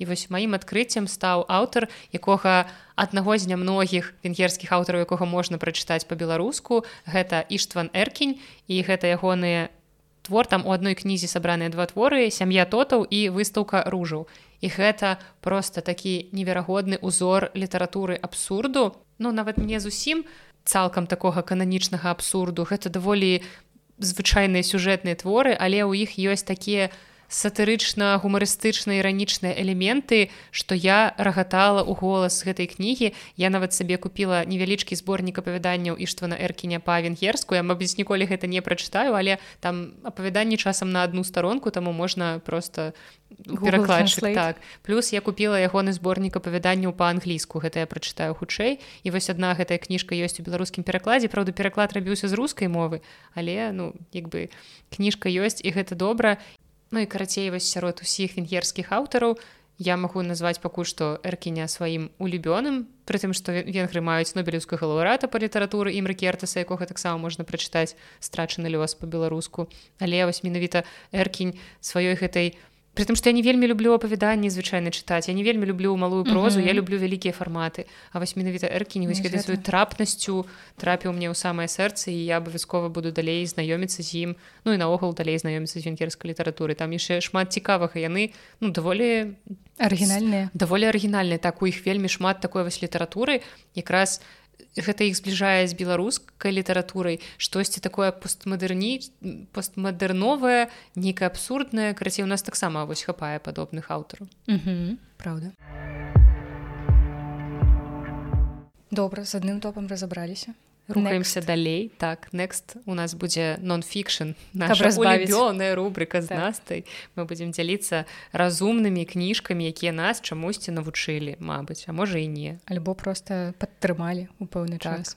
Давай цяпер ты пачні. Я пачну і першая кніжка. Я вам там у мінулым выпуску хваліла серыял офіс і я прачытала сёлета кніжку Энді Грына якая называется The Office оповесць у культовым серыялю я прачытала е у польскім перакладзе але она ўжо ёсць і па-руску і у арыгінале англійскім таксама можна знайсці лагічна mm -hmm. і гэта ну сапраўды гісторыя пра серыял офіс гэта вялікая колькасць гісторый ад стваральнікаў прычым там закранаюцца многія людзі не толькі у акцёры якія сыгралі галоўныя ролі ў гэтым серыяле ці людзі якія мелі непасрэднае дачыненне але там і касцюмеры і я не ведаю як называюцца усе гэтыя спецыяльнасці ну карацей вось настолькі глыбока я не ведаю там ледзь не да прыбіральшчыкаў mm -hmm. на здымачнай пляцоўцы.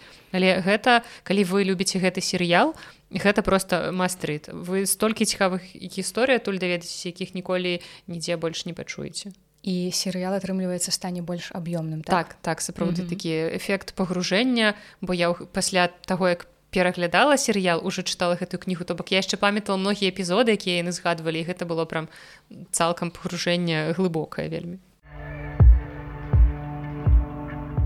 Так ну я назову кнігу якая называется под ценью сатурна.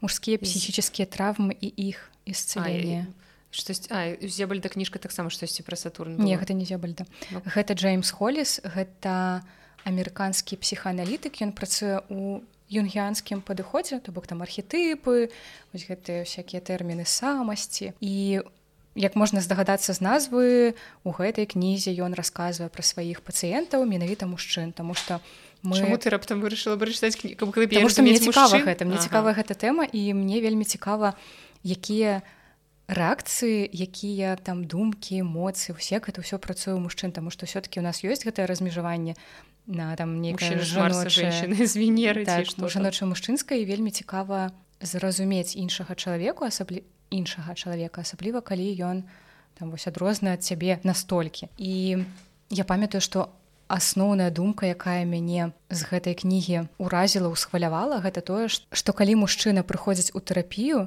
ён толькі прыкладна праз год дасягае таго ўзроўню даверу таго ўзроўню тым чым ён можа падзяліцца так адкрытасці з якім жанчына толькі пачынае гэты шлях. І гэта такая розніца нібыта вот фільме ну, у нас ёсць стэеатып што мужчыны звычайна ў эмацыянальным плане звычайна больш закрыманыя стрыманыя так. так нават вось стрыманае добрае слово што ну гэта стэеатып які магчыма пайшоў з далёкіх часоў пра ну, мужчына не павінен плакаць плач там, так, будь моцным мужиком так.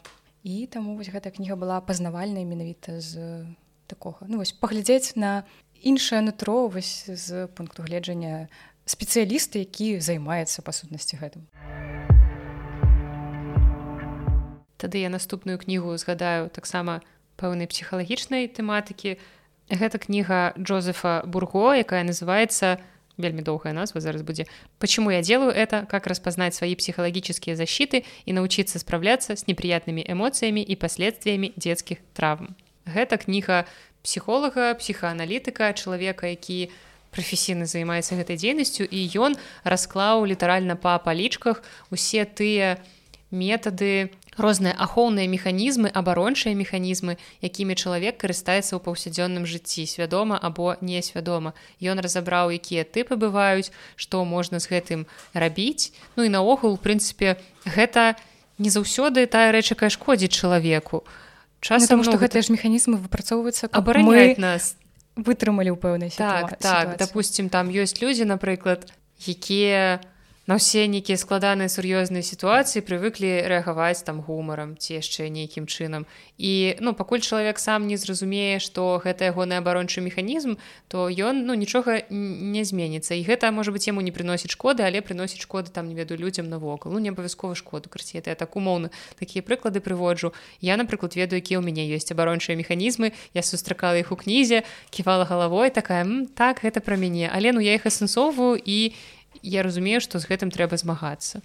Таму калі вам цікавая гэтая тэма калі вы хацелі празабрацца калі вы ведаеце што у вас есть нейкі такія механізмы то вельмі раю кніга сапраўды добрая там без вады она даволі тонкая і там вось усё літаральна раскладзена па палічках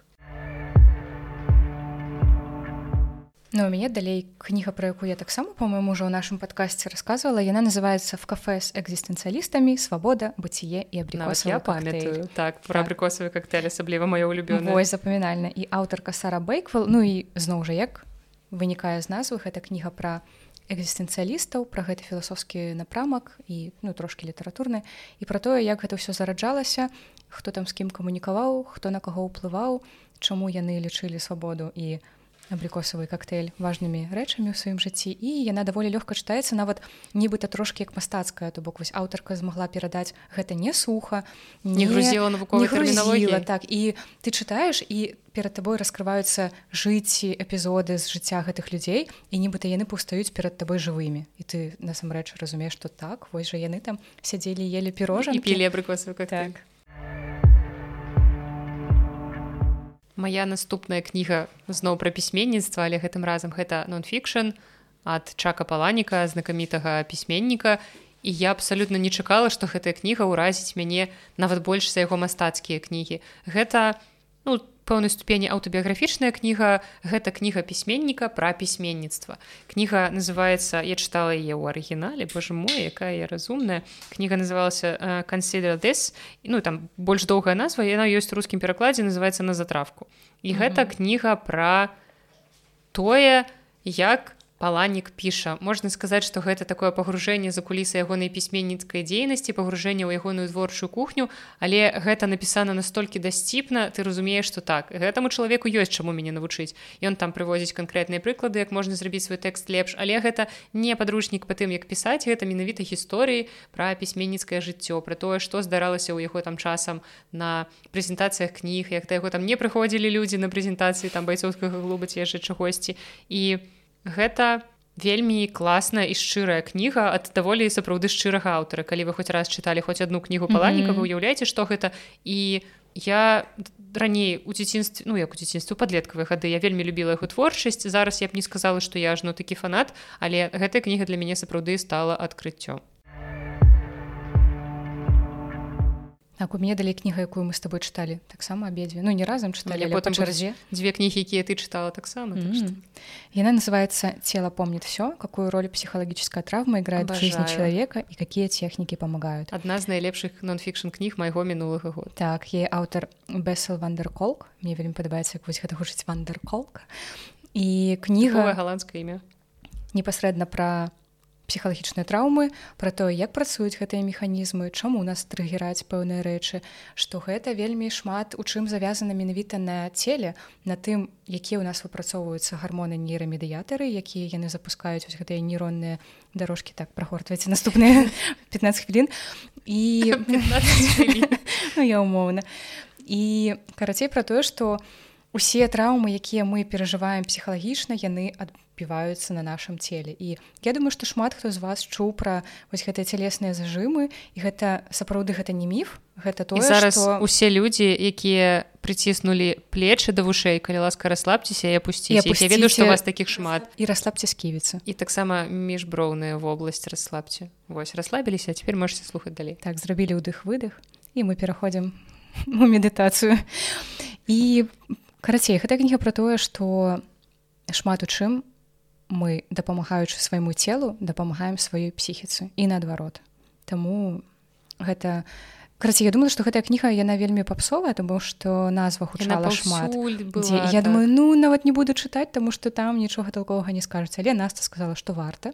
Я пачытала і на сапраўды такая паслухалася доказная так з без вады як вось ты таксама згадала так яна таксама не вельмі аб'ёмная я б сказала і там все і яна дарэчы вельмі добра раскрывае тэму птср што ну, агулам яна важна ў прынцыпе для так. наших часоў карацей вельмі толковая. І ён шмат піша пра йогу про тое што йога гэта карысна ну наогул любая фізічная нагрузка вось тое што нас так то што вам падабаецца трэба себе трэба знайсці да тую актыўнасць якая вам даспадобу не ўсім трэба ісці ў залу і цягаць жалеза камусьці гэта можа замяніць просто у шпацыр у лесе не вельмі хуткім крокам. Гэта ўсё таксама фізічная mm -hmm. нагрузка якая дапамагае разгрузіцца. Так. нагрузка якая памагае разгрузіцца. Як я? Нормально выдатна так? можешь пісаць кнігі. Так лагічна.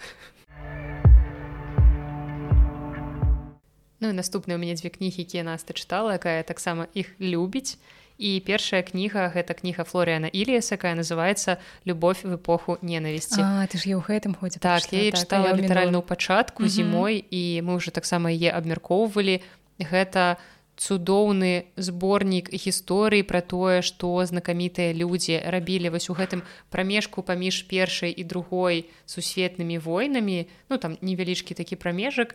Гэта гісторыі пачуццяў жарсцяў адносін і там просто гэта настолькі прыгожа апісана нейкія сухія біяграфічныя факты так, так. Вельмі класна перададзена. Это была моя першая кніга іліса хаця ён больш вядомы сваімі кнігамі пра 1918 пра гісторыі некаторых хадоў але вось гэтая кніга трапіла мне ў самае сэрца і 1913 гляджу на наша паліцы так ну вось она у нас ёсць на паліцах. Калі што і любовь эпоху ненавісці таксама ёсць у нас на паліцах. І таму горачу вам раю калі вам штосьці такое патрэбна што можна чытаць невялічкімі дозамі там перад сном не абавязкова нават лепшае чытаць вось так дазіравана і яна таксама у прынцыпе успрымаецца трошки як мастацкая тому что гэта гісторыя можна як пра персонажа ты чытаеш этой гісторыі думаешь не няўжо гэта магло адбыцца ў рэальным жыцці вось гэтымі рэальнымі асобамі далейшая кніга якую я назову яна называется вопрос смерти і жизни і написали яе муж і жонка ірвен ялам альбо ялом зноў жа спрэчку гэтую не будзем уздымаць і яго жонка мэрылен ялам і кніга цікава что ты сказала мужа і жонку з рознымі націскамі спачатку ну для балансу. Так. І гэта кніга якую яны пачыналі пісаць разам калі даведаліся што жонцы паставілі дыягназ рак і яны пісалі па главе вось як яны спраўляюцца што яны перажываюць там у пэўны адрэзак. Прычым цікава што тут можна паглядзець і з боку чалавека у якога гэтая хвароба і чалавека так. які жыве з чалавекам прычым гэта людзі якія праз усё жыццё пранеслі вось гэтую закаханасць і каханне адно да аднаго. І ну вы разумееце што пражыць жыццё з чалавекам якога ты кахаеш і столькі часу правесці то бок наколькі блізкімі вы становіцеся ўвогуле наколькі ну гэта уже складана так, спрыняць вось тое што чалавек твой любімы памірае. І прыклады на сярэдзіне кнігі сапраўды жонка памірае і ён дапісвае гэту кнігу адзін і зноў жа піша вось як ён спраўляўся. Яна такая вельмі тэрапеўтычная і вельмі вельмі асабістая. Ну, ось ты пра яе таксама рассказывала і мне стало цікава у я ведаю людзей якім я б хацела гэтую кніжку параіць якім яна была б я думаю цікавая. Ну і моя апошняя кніга якую я ведаю ты таксама любіш гэта кніга Джуліана барнца якая называется нечего бояться ты так. чытала здаецца недавно ну, гэта леп найлепшая кніга майго мінулага года. Вось у мяне яна ўвайшла. Вот я пра, пра яе пачула ад цябе бо калісьці калі яна прыходзіла да нас у шафу я паглядзела ну вокладка з гэтым нейкім шкілетам. Ну Джулиан барнс. Я чытала даволі шмат ягонай мастацкай прозы. Яна добрая але не выбітная так ну ты чытаеш такі ну гэта такі дабротны раманіст сучасны там аўтар лаўрэат там прэмій розных. І ну але гэта не тое што мяне там ажно чапляла. у Але я прачытала гэты нон-фікшн і думаю блин барнс чаму ты пастаянна не пішаш такія кніжкі? Я была б твою фанаткай. Гэта кніга пра смерць. Гэта адна з улюбёных тэмаў насты і я не тое каб я над цікаўлюся гэтай тэмай але ў выкананні барнса гэта было просто цудоўна. З пачуццём гумару. Гумар, так. Самае вось галоўнае я не бачу гэтага гумару ягоных блин мастацкіх кніжках і думаю барн што з тобой не так? Але калі ён напіша яшчэ нейкіх такіх твораў я буду чытаць іх усе тому что гэта з гумаром захапляльна пра тыя рэчы пра якія ты думаеш але можа быть баішся агучваць іх услых абмяркоўваць з людзьмі але барнс не баіцца і выказвае ён таксама не грузіць. Так, так. чытаеш лёгка. Тебе няма пасля прачытання пачуцця безвыходнасці што а мы все памром на наадварот нейкая надзея ура мы все так. Трошки ў працяг тэмы кніга якую я магу назваць таксама найлепшай вось сярод нон-фікшну гэта зноў жа ірвін ялам і называется выданне экзістэнцыяльная псіхатэрапія і гэта кніга якая вельмі моцна мяне падтрымала ў гэтым годзе. І яна расказвае пра чатыры такія катэгорыі ў нашым жыцці якія не маюць адказу у прынцыпе. Гэта вось пытанне смерці пытанне таго што нас па сутнасці ніхто ніколі не зразумее то бок ніхто ніколі не можа убачыць тое як мы бачым свет нават калі мы гэта перакажам. Ну вось гэта пытанне адзіноты пытанне свабоды і гэта ўсё ён фармулюе з такога псіхатэрапеўтычнага погляду то бок яна даволі спецыфічная у тым плане што яна так тэрміналагічна яна хутчэй для людзей якія ўжо ў тэме псіхалогіі. чытаюць кніжкі пра экзістэнцыю так альбо для рэальна людзей якія працуюць ужо ў гэтай сферы. І я чытала фармулёўкі яго і мне ад іх рабілася лепш мне рабілася лягчэй. Я калі вось бачу то як ён гэта перадае што ён умее словам аформіць гэта так что табе становіцца лягчэй. ты так. пабывала на сеансе псіхатэрапіі нешта такое. Гэта кніга рэальная вельмі псіхатэрапеўтычная вельмі падтрымліваючая можна ж так сказать так? І яна просто цудоўная. Все натхняе. Так, так. дапамагае спраўляцца з гэтым жыццём. Ну і цяпер наш трэці топ. Я думаю что Магчыма самы чаканы так самы чаканы таму што мы нарэшце пагаворым ужо непасрэдна пра беларускую літаратуру менавіта беларускіх аўтараў. І пачнём з цябе з чаго пачаць пачну з радзімы пачалі з нашага ўлюбёнага Анатоля сыса ладно я пачну з дзіцячай кнігі якая ўвайшла ў топ беларускіх прачытаных. І гэта кніга якая называется казік з каменнай горкі і вядзьмак схаванага горада алеся кудрыцкага. Класная сучасная падлеткавая кніга пра тое як галоўны герой казік трапляе у чароўны схаваны горад под мінскам і пра тое што у гэтым горадзе жывуць звяры і як паміж імі завязваецца сяброўства што гэтаму галоўнаму герою трэба зрабіць каб выратаваць гэты горад. Ну то бок ёсць і прыгоды ёсць і нейкія маральна этычныя бакі якія тут разглядаюцца і что тут? Ну яна просто класная такая дзіцячая фантазійная кніга якую варта пачытаць і падлеткам. Ну ладно можна нават раней. Не можна лепш раней так. але і дарослым яна ў прынцыпе можа добра зайсці трохленнем чытаецца. Настася рожа і я абмяркоўвалі цэлы выпуск подкаста наше пасяджэнне КК анягош было прысвечана гэтай кнізе мы з захапленнем мне здаецца натхнілі людзей чытаць гэтую кнігу і я тут далучаюся да нас. Ты калі б тут быў асобны топ дзіцячай літаратуры гэта кніга тут так, так непасрэдна б увайшла на адным з першых месцаў тому что для мяне таксама гэта адкрыццё гэтага года. Я вельмі хачу каб алесь кудрыцкі пісаў працяг так, чуе я перадаю ему вялізнае прывітанне бо я дакладна ведаю што алесь слухае мой падкаст. Але не ведаюць слухаем кніжную шафу. Ну карце любым выпадку дзякую яму. Мы чакаем усе. Mm -hmm. мы дарослыя цёткі. Сядзім і чакаем працяг дзіцячай кніжкі Ну а мой беларускі твор адзін з тых, што ўвайшоў у топ гэта таксама кніга, якую мы ўжо абмяркоўвалі цэлы выпуск падкаста, які нас так хутчэй за ўсё таксама згадае ў сябе ў топе улюбёных кніг. Можам пра яе пагаварыць зараз гэта зараслава камінская і да. кніга па той бок. Гэта найлепшая беларуская кніга, якую я прачытала сёлета. Вось я гляджу на свой топ і думаю, што ну так, Мабыць, Мабыць, ёсць нюансік, які я пазней закрану, пра іншую кнігу але я думаю что так камінская mm -hmm. гэта просто адкрыццё ну, нават не адкрыццё для для вас можа быть сярожам адкрыццё так, бо вы не чыталі іншыя кнігі але я чытала ўсе кнігі камінскай і гэта просто чарговы доказ таго што беларускай літаратуры ёсць цікавая такая маладая аўтарка зноў жа сучасны твор які чытаецца які дынамічны які шматбаковы з нечаканымі сюжэтнымі паваротамі. так. І ён я не ведаю ён просто класны так у ім ёсць сучаснасць там камп'ютарнай гульні нейкія там айці сфера ёсць міфічны міфічны так. міфалагічны фальклорны з удзелам там старых лялек плюс ёсць бок сяброўства адносін вось гэтых нейкіх этычных нават пытанняў маральных у стасунках але гэта ўжо там сюжэтны паварот на гэтым пабудаваны карцей гэта просто у і прычым гэта кніжка даволі доўгая бо ў беларускай літаратуры есть такая праблема што вельмі часта ў нас выходзяць кніжкі на 100 сторонок кніжкі mm -hmm. малышкі а гэта нармальная паўнавартасная канешне калі б там зменшыць палі яна была можа меншая памерам тут пытанні вёрсткі але наогул гэта такі добры сучасны беларускі роман. Так Таму цалкам далучаюся. Гэтая кніга таксама ёсць у маім топе і вось мы ў прынцыпе я абмеркавалі трошачки А каб паслухаць болей можам скіраваць вас у насцін падкаст апошняе пасяджэнне так, мы абмяркоўвалі. І вельмі горача спрачаемся з сярожам і абмяркоўваем падраныя калготкі. Такі вось вам клікбейт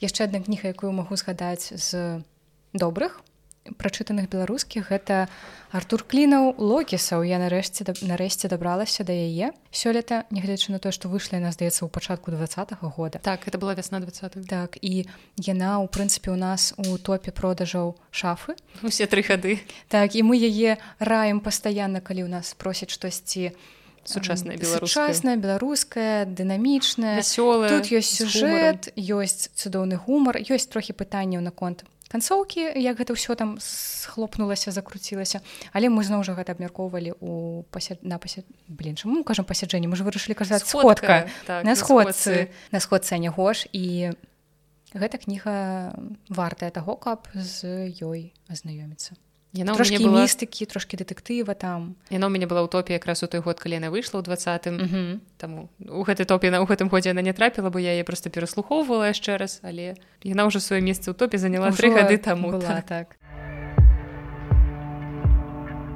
Мая наступная кніга гэта роман Александра чарнухі свінні які калісьці выйшаў спачатку па-руску але потым у перакладзе алеся плоткі выйшаў на беларускай мове і вось нарэшце сёлета я яго спачатку чытала па-руску тому што мне сам Саша дасылаў тэкст яшчэ калі ён здаецца кні кнігай не быў просто просто ну такое не только б это чытанне але просто знаёмці уже тады ён выйшаў кніга неважна але я прачытала яе па-руску і праз некаторы час я здабыла кніжку і у будапешце я чытала яе ўжо па-беларуску і записывала цэлы чытацкі дзённік для сваіх патронаў на патрыоне і гэта кніга якая мяне ўразіла па-першае сваім стылем. І Дарэчы, вось па-руску яна чытаецца, мне падаецца больш сакавіта, таму што беларуская мова і канцелярыт для мяне нешта чужародна ну, не так чужародная не так блізка а вось руская мова і канцеляры гэта прям так, я разумею прям одно цэлае і там увесь твор напісаны мовай якой гавораць чыноўнікі вось гэтай бюракратычнай мовай штампаў і кліше ну збольшага таму што там вось персонажаў шмат якія гавораць такім чынам і гэта гісторыя невялічкага беларускага мястэчка у якой раптам по свінні э, злавілі такую хваробу я уже забыла як называется гэтая хвароба карацей нейкая хвароба. Усіх свіней трэба знішчыць і ўсё і жыхары засталіся без свінога мяса. А ў людзей можа быть все жыццё было пабудаванае mm -hmm. на гэтым свіным мясе і для іх нібыта все сусвет схлопнуўся і там пачаліся такія своеасаблівыя мітынгі бунты на гэты конт. І гэта вельмі дасціпны твор вельмі смешны з добрым фіналам да якога у мяне ніякіх пытанняў не было. Там все ніякіх адкрытых фіналаў все завяршылася цудоўная развязка такая нават трошки апакаліптычная б сказала з таким напружаннем накалам. І я атрымала вялізнае задавальненне прачытаўшы два разы за год гэтую кнігу на розных мовах і вельмі горача вам раю калі ёсць магчымасць. Ну чытайце на любой мове. Она ў прынцыпе чытаецца выдатна і па-руску як было напісана і ў перакладзе на беларуску. Ну, мяне далей райцэнтр тані з карынкіна зноў жа кніга пра якую мы тысячу разоў згадвалі. Я нават не ведаю што тут кожны раз прыдумляем нейкія значэнні але гэта эсэ пра людзей якія жывуць у смаргоне з якімі таня размаўляла і пасля іх гісторыі перарабіла вось такую мастацкую кнігу. Тут можна сустрэць і як этого завуць? Мулявіна. Мулявіна. Тут можна і мулявіна сустрэць і драсіроўшчыка Львоў і гісторыі кахання і гісторыі сустрэчы іншай рознай. Крацей такая кніга пра дыялог пра кантакт пра тое што з са звычайнымі людзьмі адбываюцца незвычайныя гісторыі так пацвярджаю яна ў мяне таксама мабыць была ў топе год калі выйшла так. і калі я яе прачытала я так. са спазненнем чытаю кнігі чакаю што чытаеш этаж пройдзе ты як добрае віно чакаеш пакуль там вытрымка пэўная і з гадамі кнігі гэтыя становіцца толькі леп так. Мая наступная кніга гэта твор які я чытала вясной гэта споведь ларысы геніюш і так супала што я пачала чытаць гэтую кнігу і далей пачалі адбывацца ўсе гэтыя суррэалістычныя падзеі так з са знікненнем помніка геніюш і наогул гэта мяне толькі падштурхнула яшчэ больш пагрузіцца ў творчасць гэтай паэткі. Притым што мяне я не сказала б каб ажно так прываблівая яе паэтычная творчасць. Притым што за апошні час у мяне неяк змяніліся адносіны да паэзіі я ўжо не так глыбока ў ёй як было раней і таму ну можа быць гэтага боку мяне не вельмі прываблівая але асоба яе грамадская палітычная культурная дзейнасць наогул асоба самой ларысы геніюш гэта ну тое што трэба вывучаць даследаваць і памятаць. І таму яе споведь была вельмі кранальнай кнігай. Ну ізноў жа супаўшы з гэтымі ўсімі падзеямі ў навінах яно ўсё так чыталася крыху сюррэалістычна. Але споведь геніюш я вам вельмі раю пачытаць пра тыя часы. Нават не важна што вы ніколі не чыталі твору геніюш гэта просто чытаецца як такі помнік эпохі нейкія такія дзённікі назіранні. Ну так мне здаецца што часам мы таксама пра гэта гаварылі што часам вось гэтыя дзённікі споведзі чытаюцца нашмат з большай цікавасцю чым чым самі творы так, аўтара самі творы так.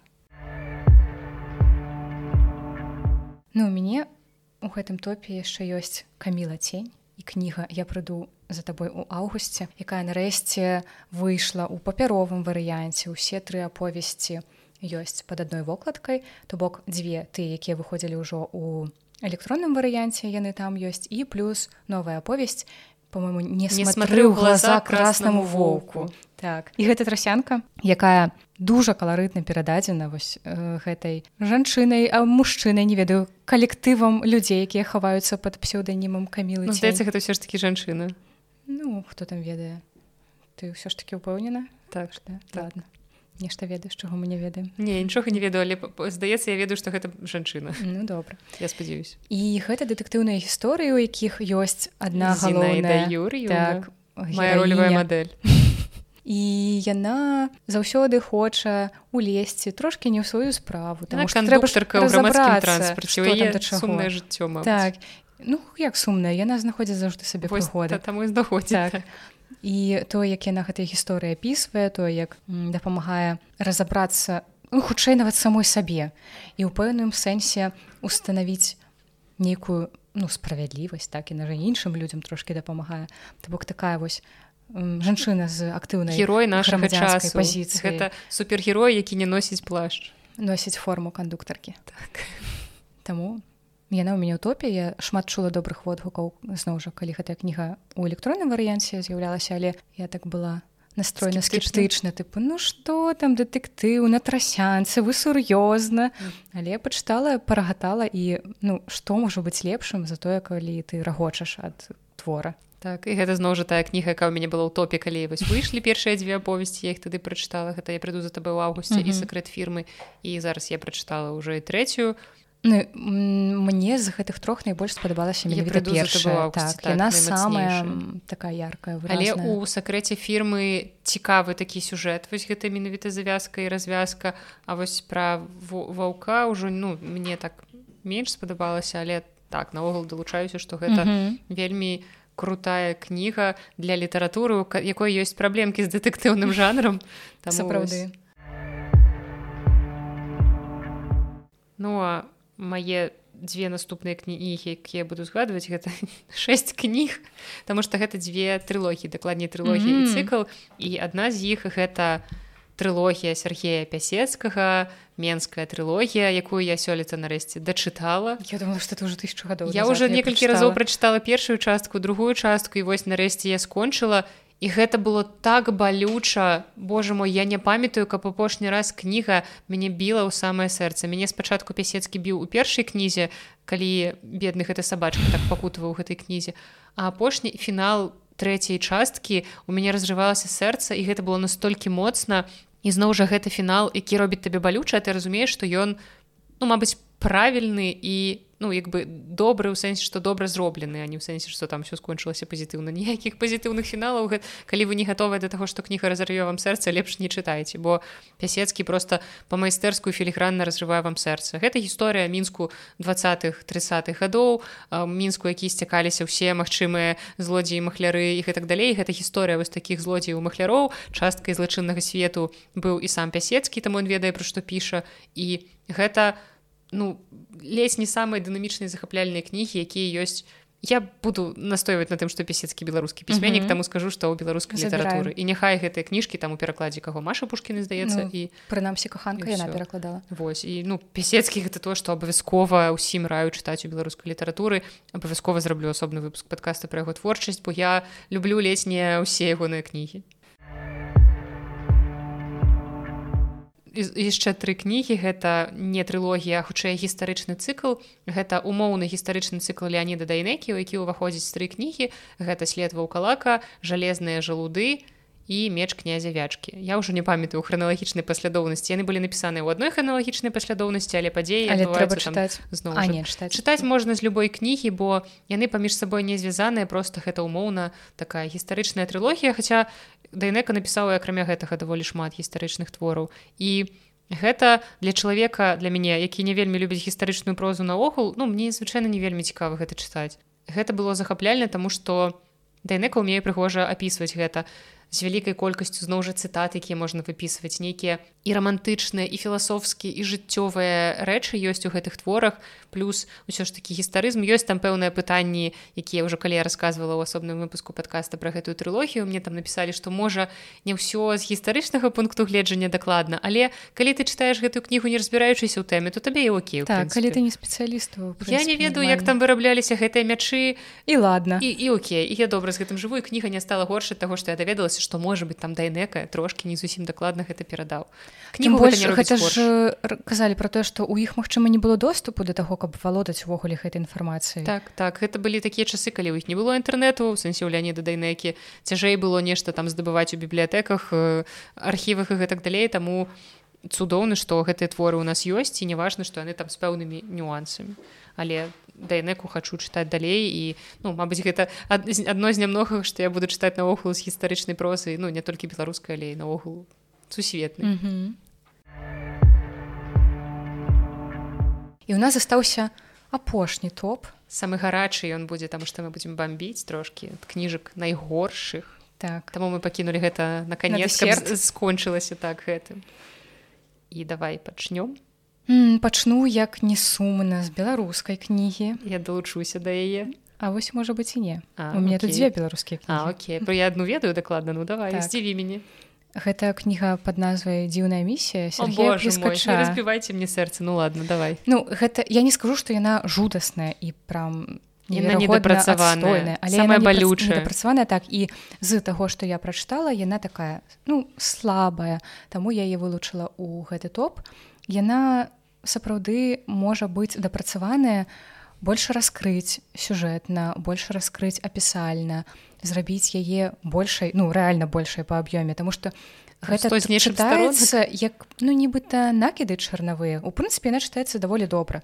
І сама гісторыя цікавая там галоўны герой едзе куды там едзе у нейк наводшы луж таму што яму трэба павартаваць дом і там пачынаюць адбывацца таксама трошки дэтэктыўная гісторыя такая і няма хэпі-энду і трошки разбітае сэрца таксама але хутчэй яно разбітае вось непасрэдна таго што заўсёды заставалася фонава прачуванне ну зараз нешта такое будзе ну зараз ён нешта такое напіша а не ну як бы яна засталася такой даволі слабенькай мне мне так просто балюча ад гэтага бо я калі б гэта быў твор іншага пісьменніка Мачыма я б не вагаючыся таксама паставіла якую двойку і уносіла ў спіс найгоршых. Але гэта адзін з маіх улюбёных беларускіх аўтараў якога я чытала ўсе кнігі і кнігі якога ранейшае я люблю.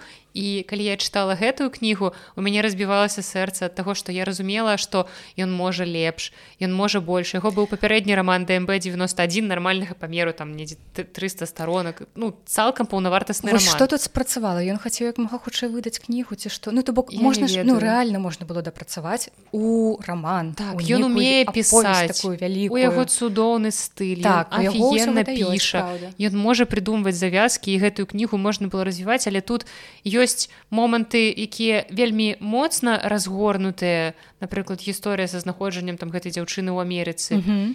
А ёсць важныя моманты якія ён так трымае словамі перадаў і вось мне ад гэтага яшчэ больш балюча калі ты бачыш патэнцыйна добры твор які мог бы атрымацца з гэтага але ну як бы выдадзена што выдадзена mm -hmm.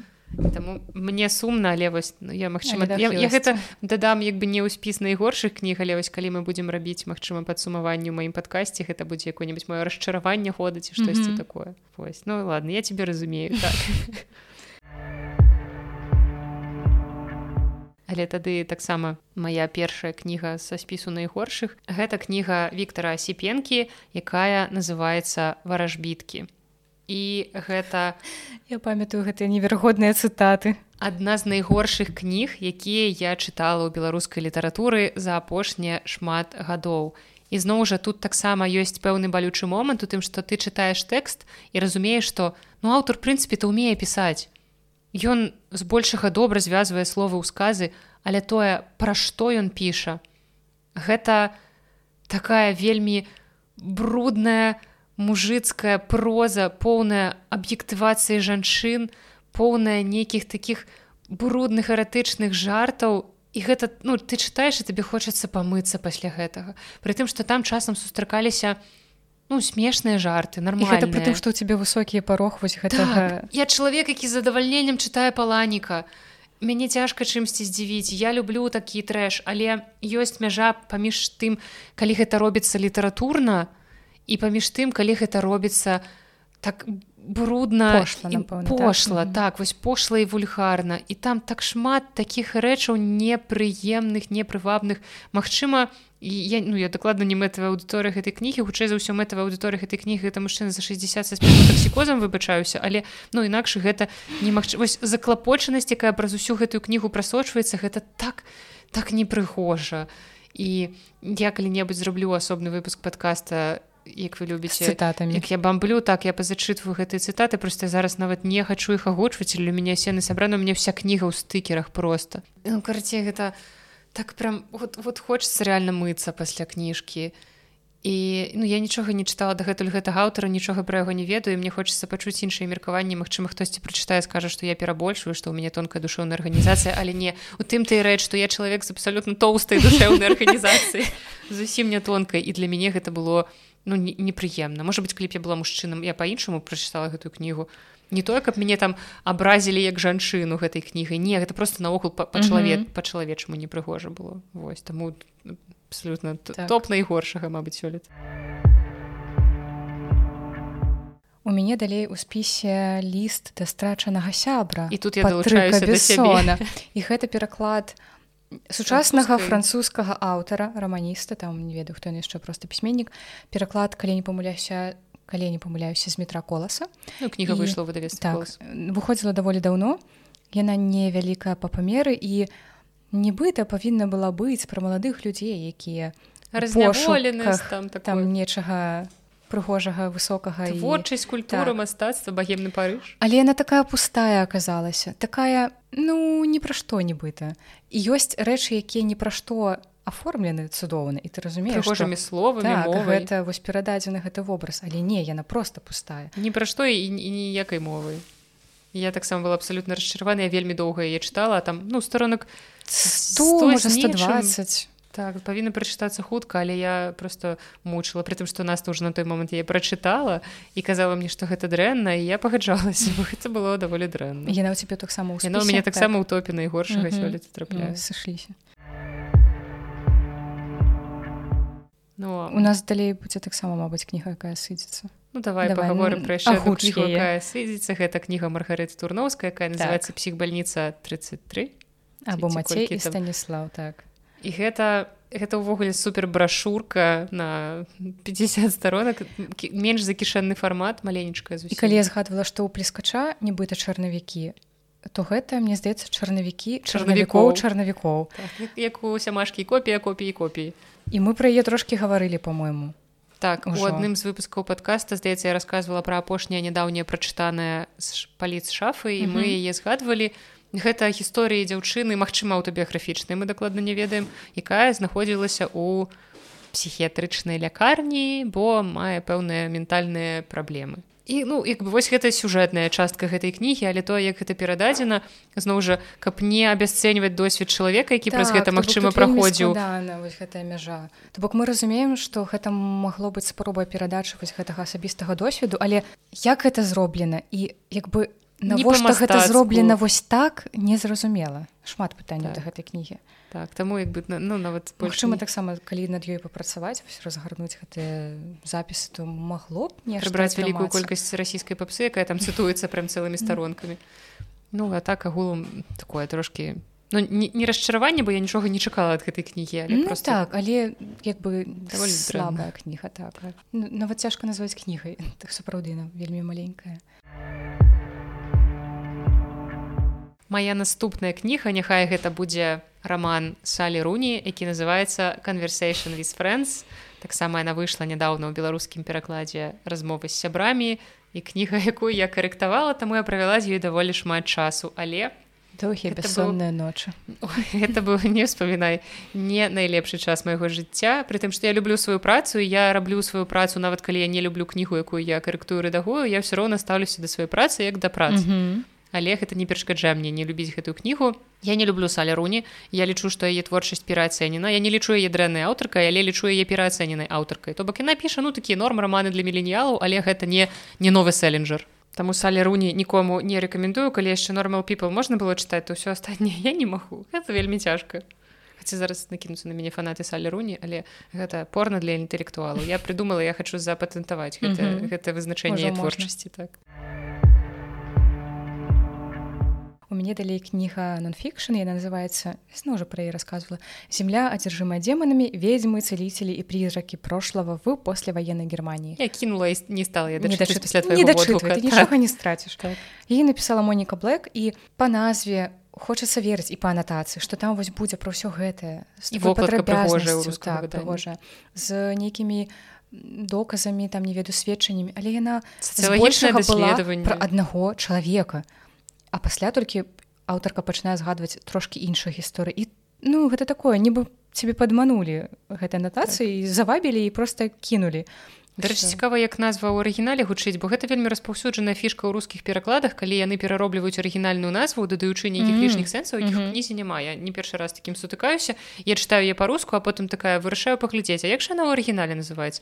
І там зусім іншая рэч увогуле. І ну і вось з той назвай кніжка адэкватна ўспрымаецца а вось як бы рускай лакалізацыі не вельмі. І дарэчы у гэтай кнігі даволі нізкі рэйтынг на гудрыц 344 я не здзіўленая. Ну і ў арыгінале мы ўжо пагуглілі яна называется так же диманха Haunted Land, Witches, Wonder Doctors and the Ghost of the Past in Post. Таму успрымаецца не тое, што табе заявілі і тое, што паказалі чараванне так. і падман.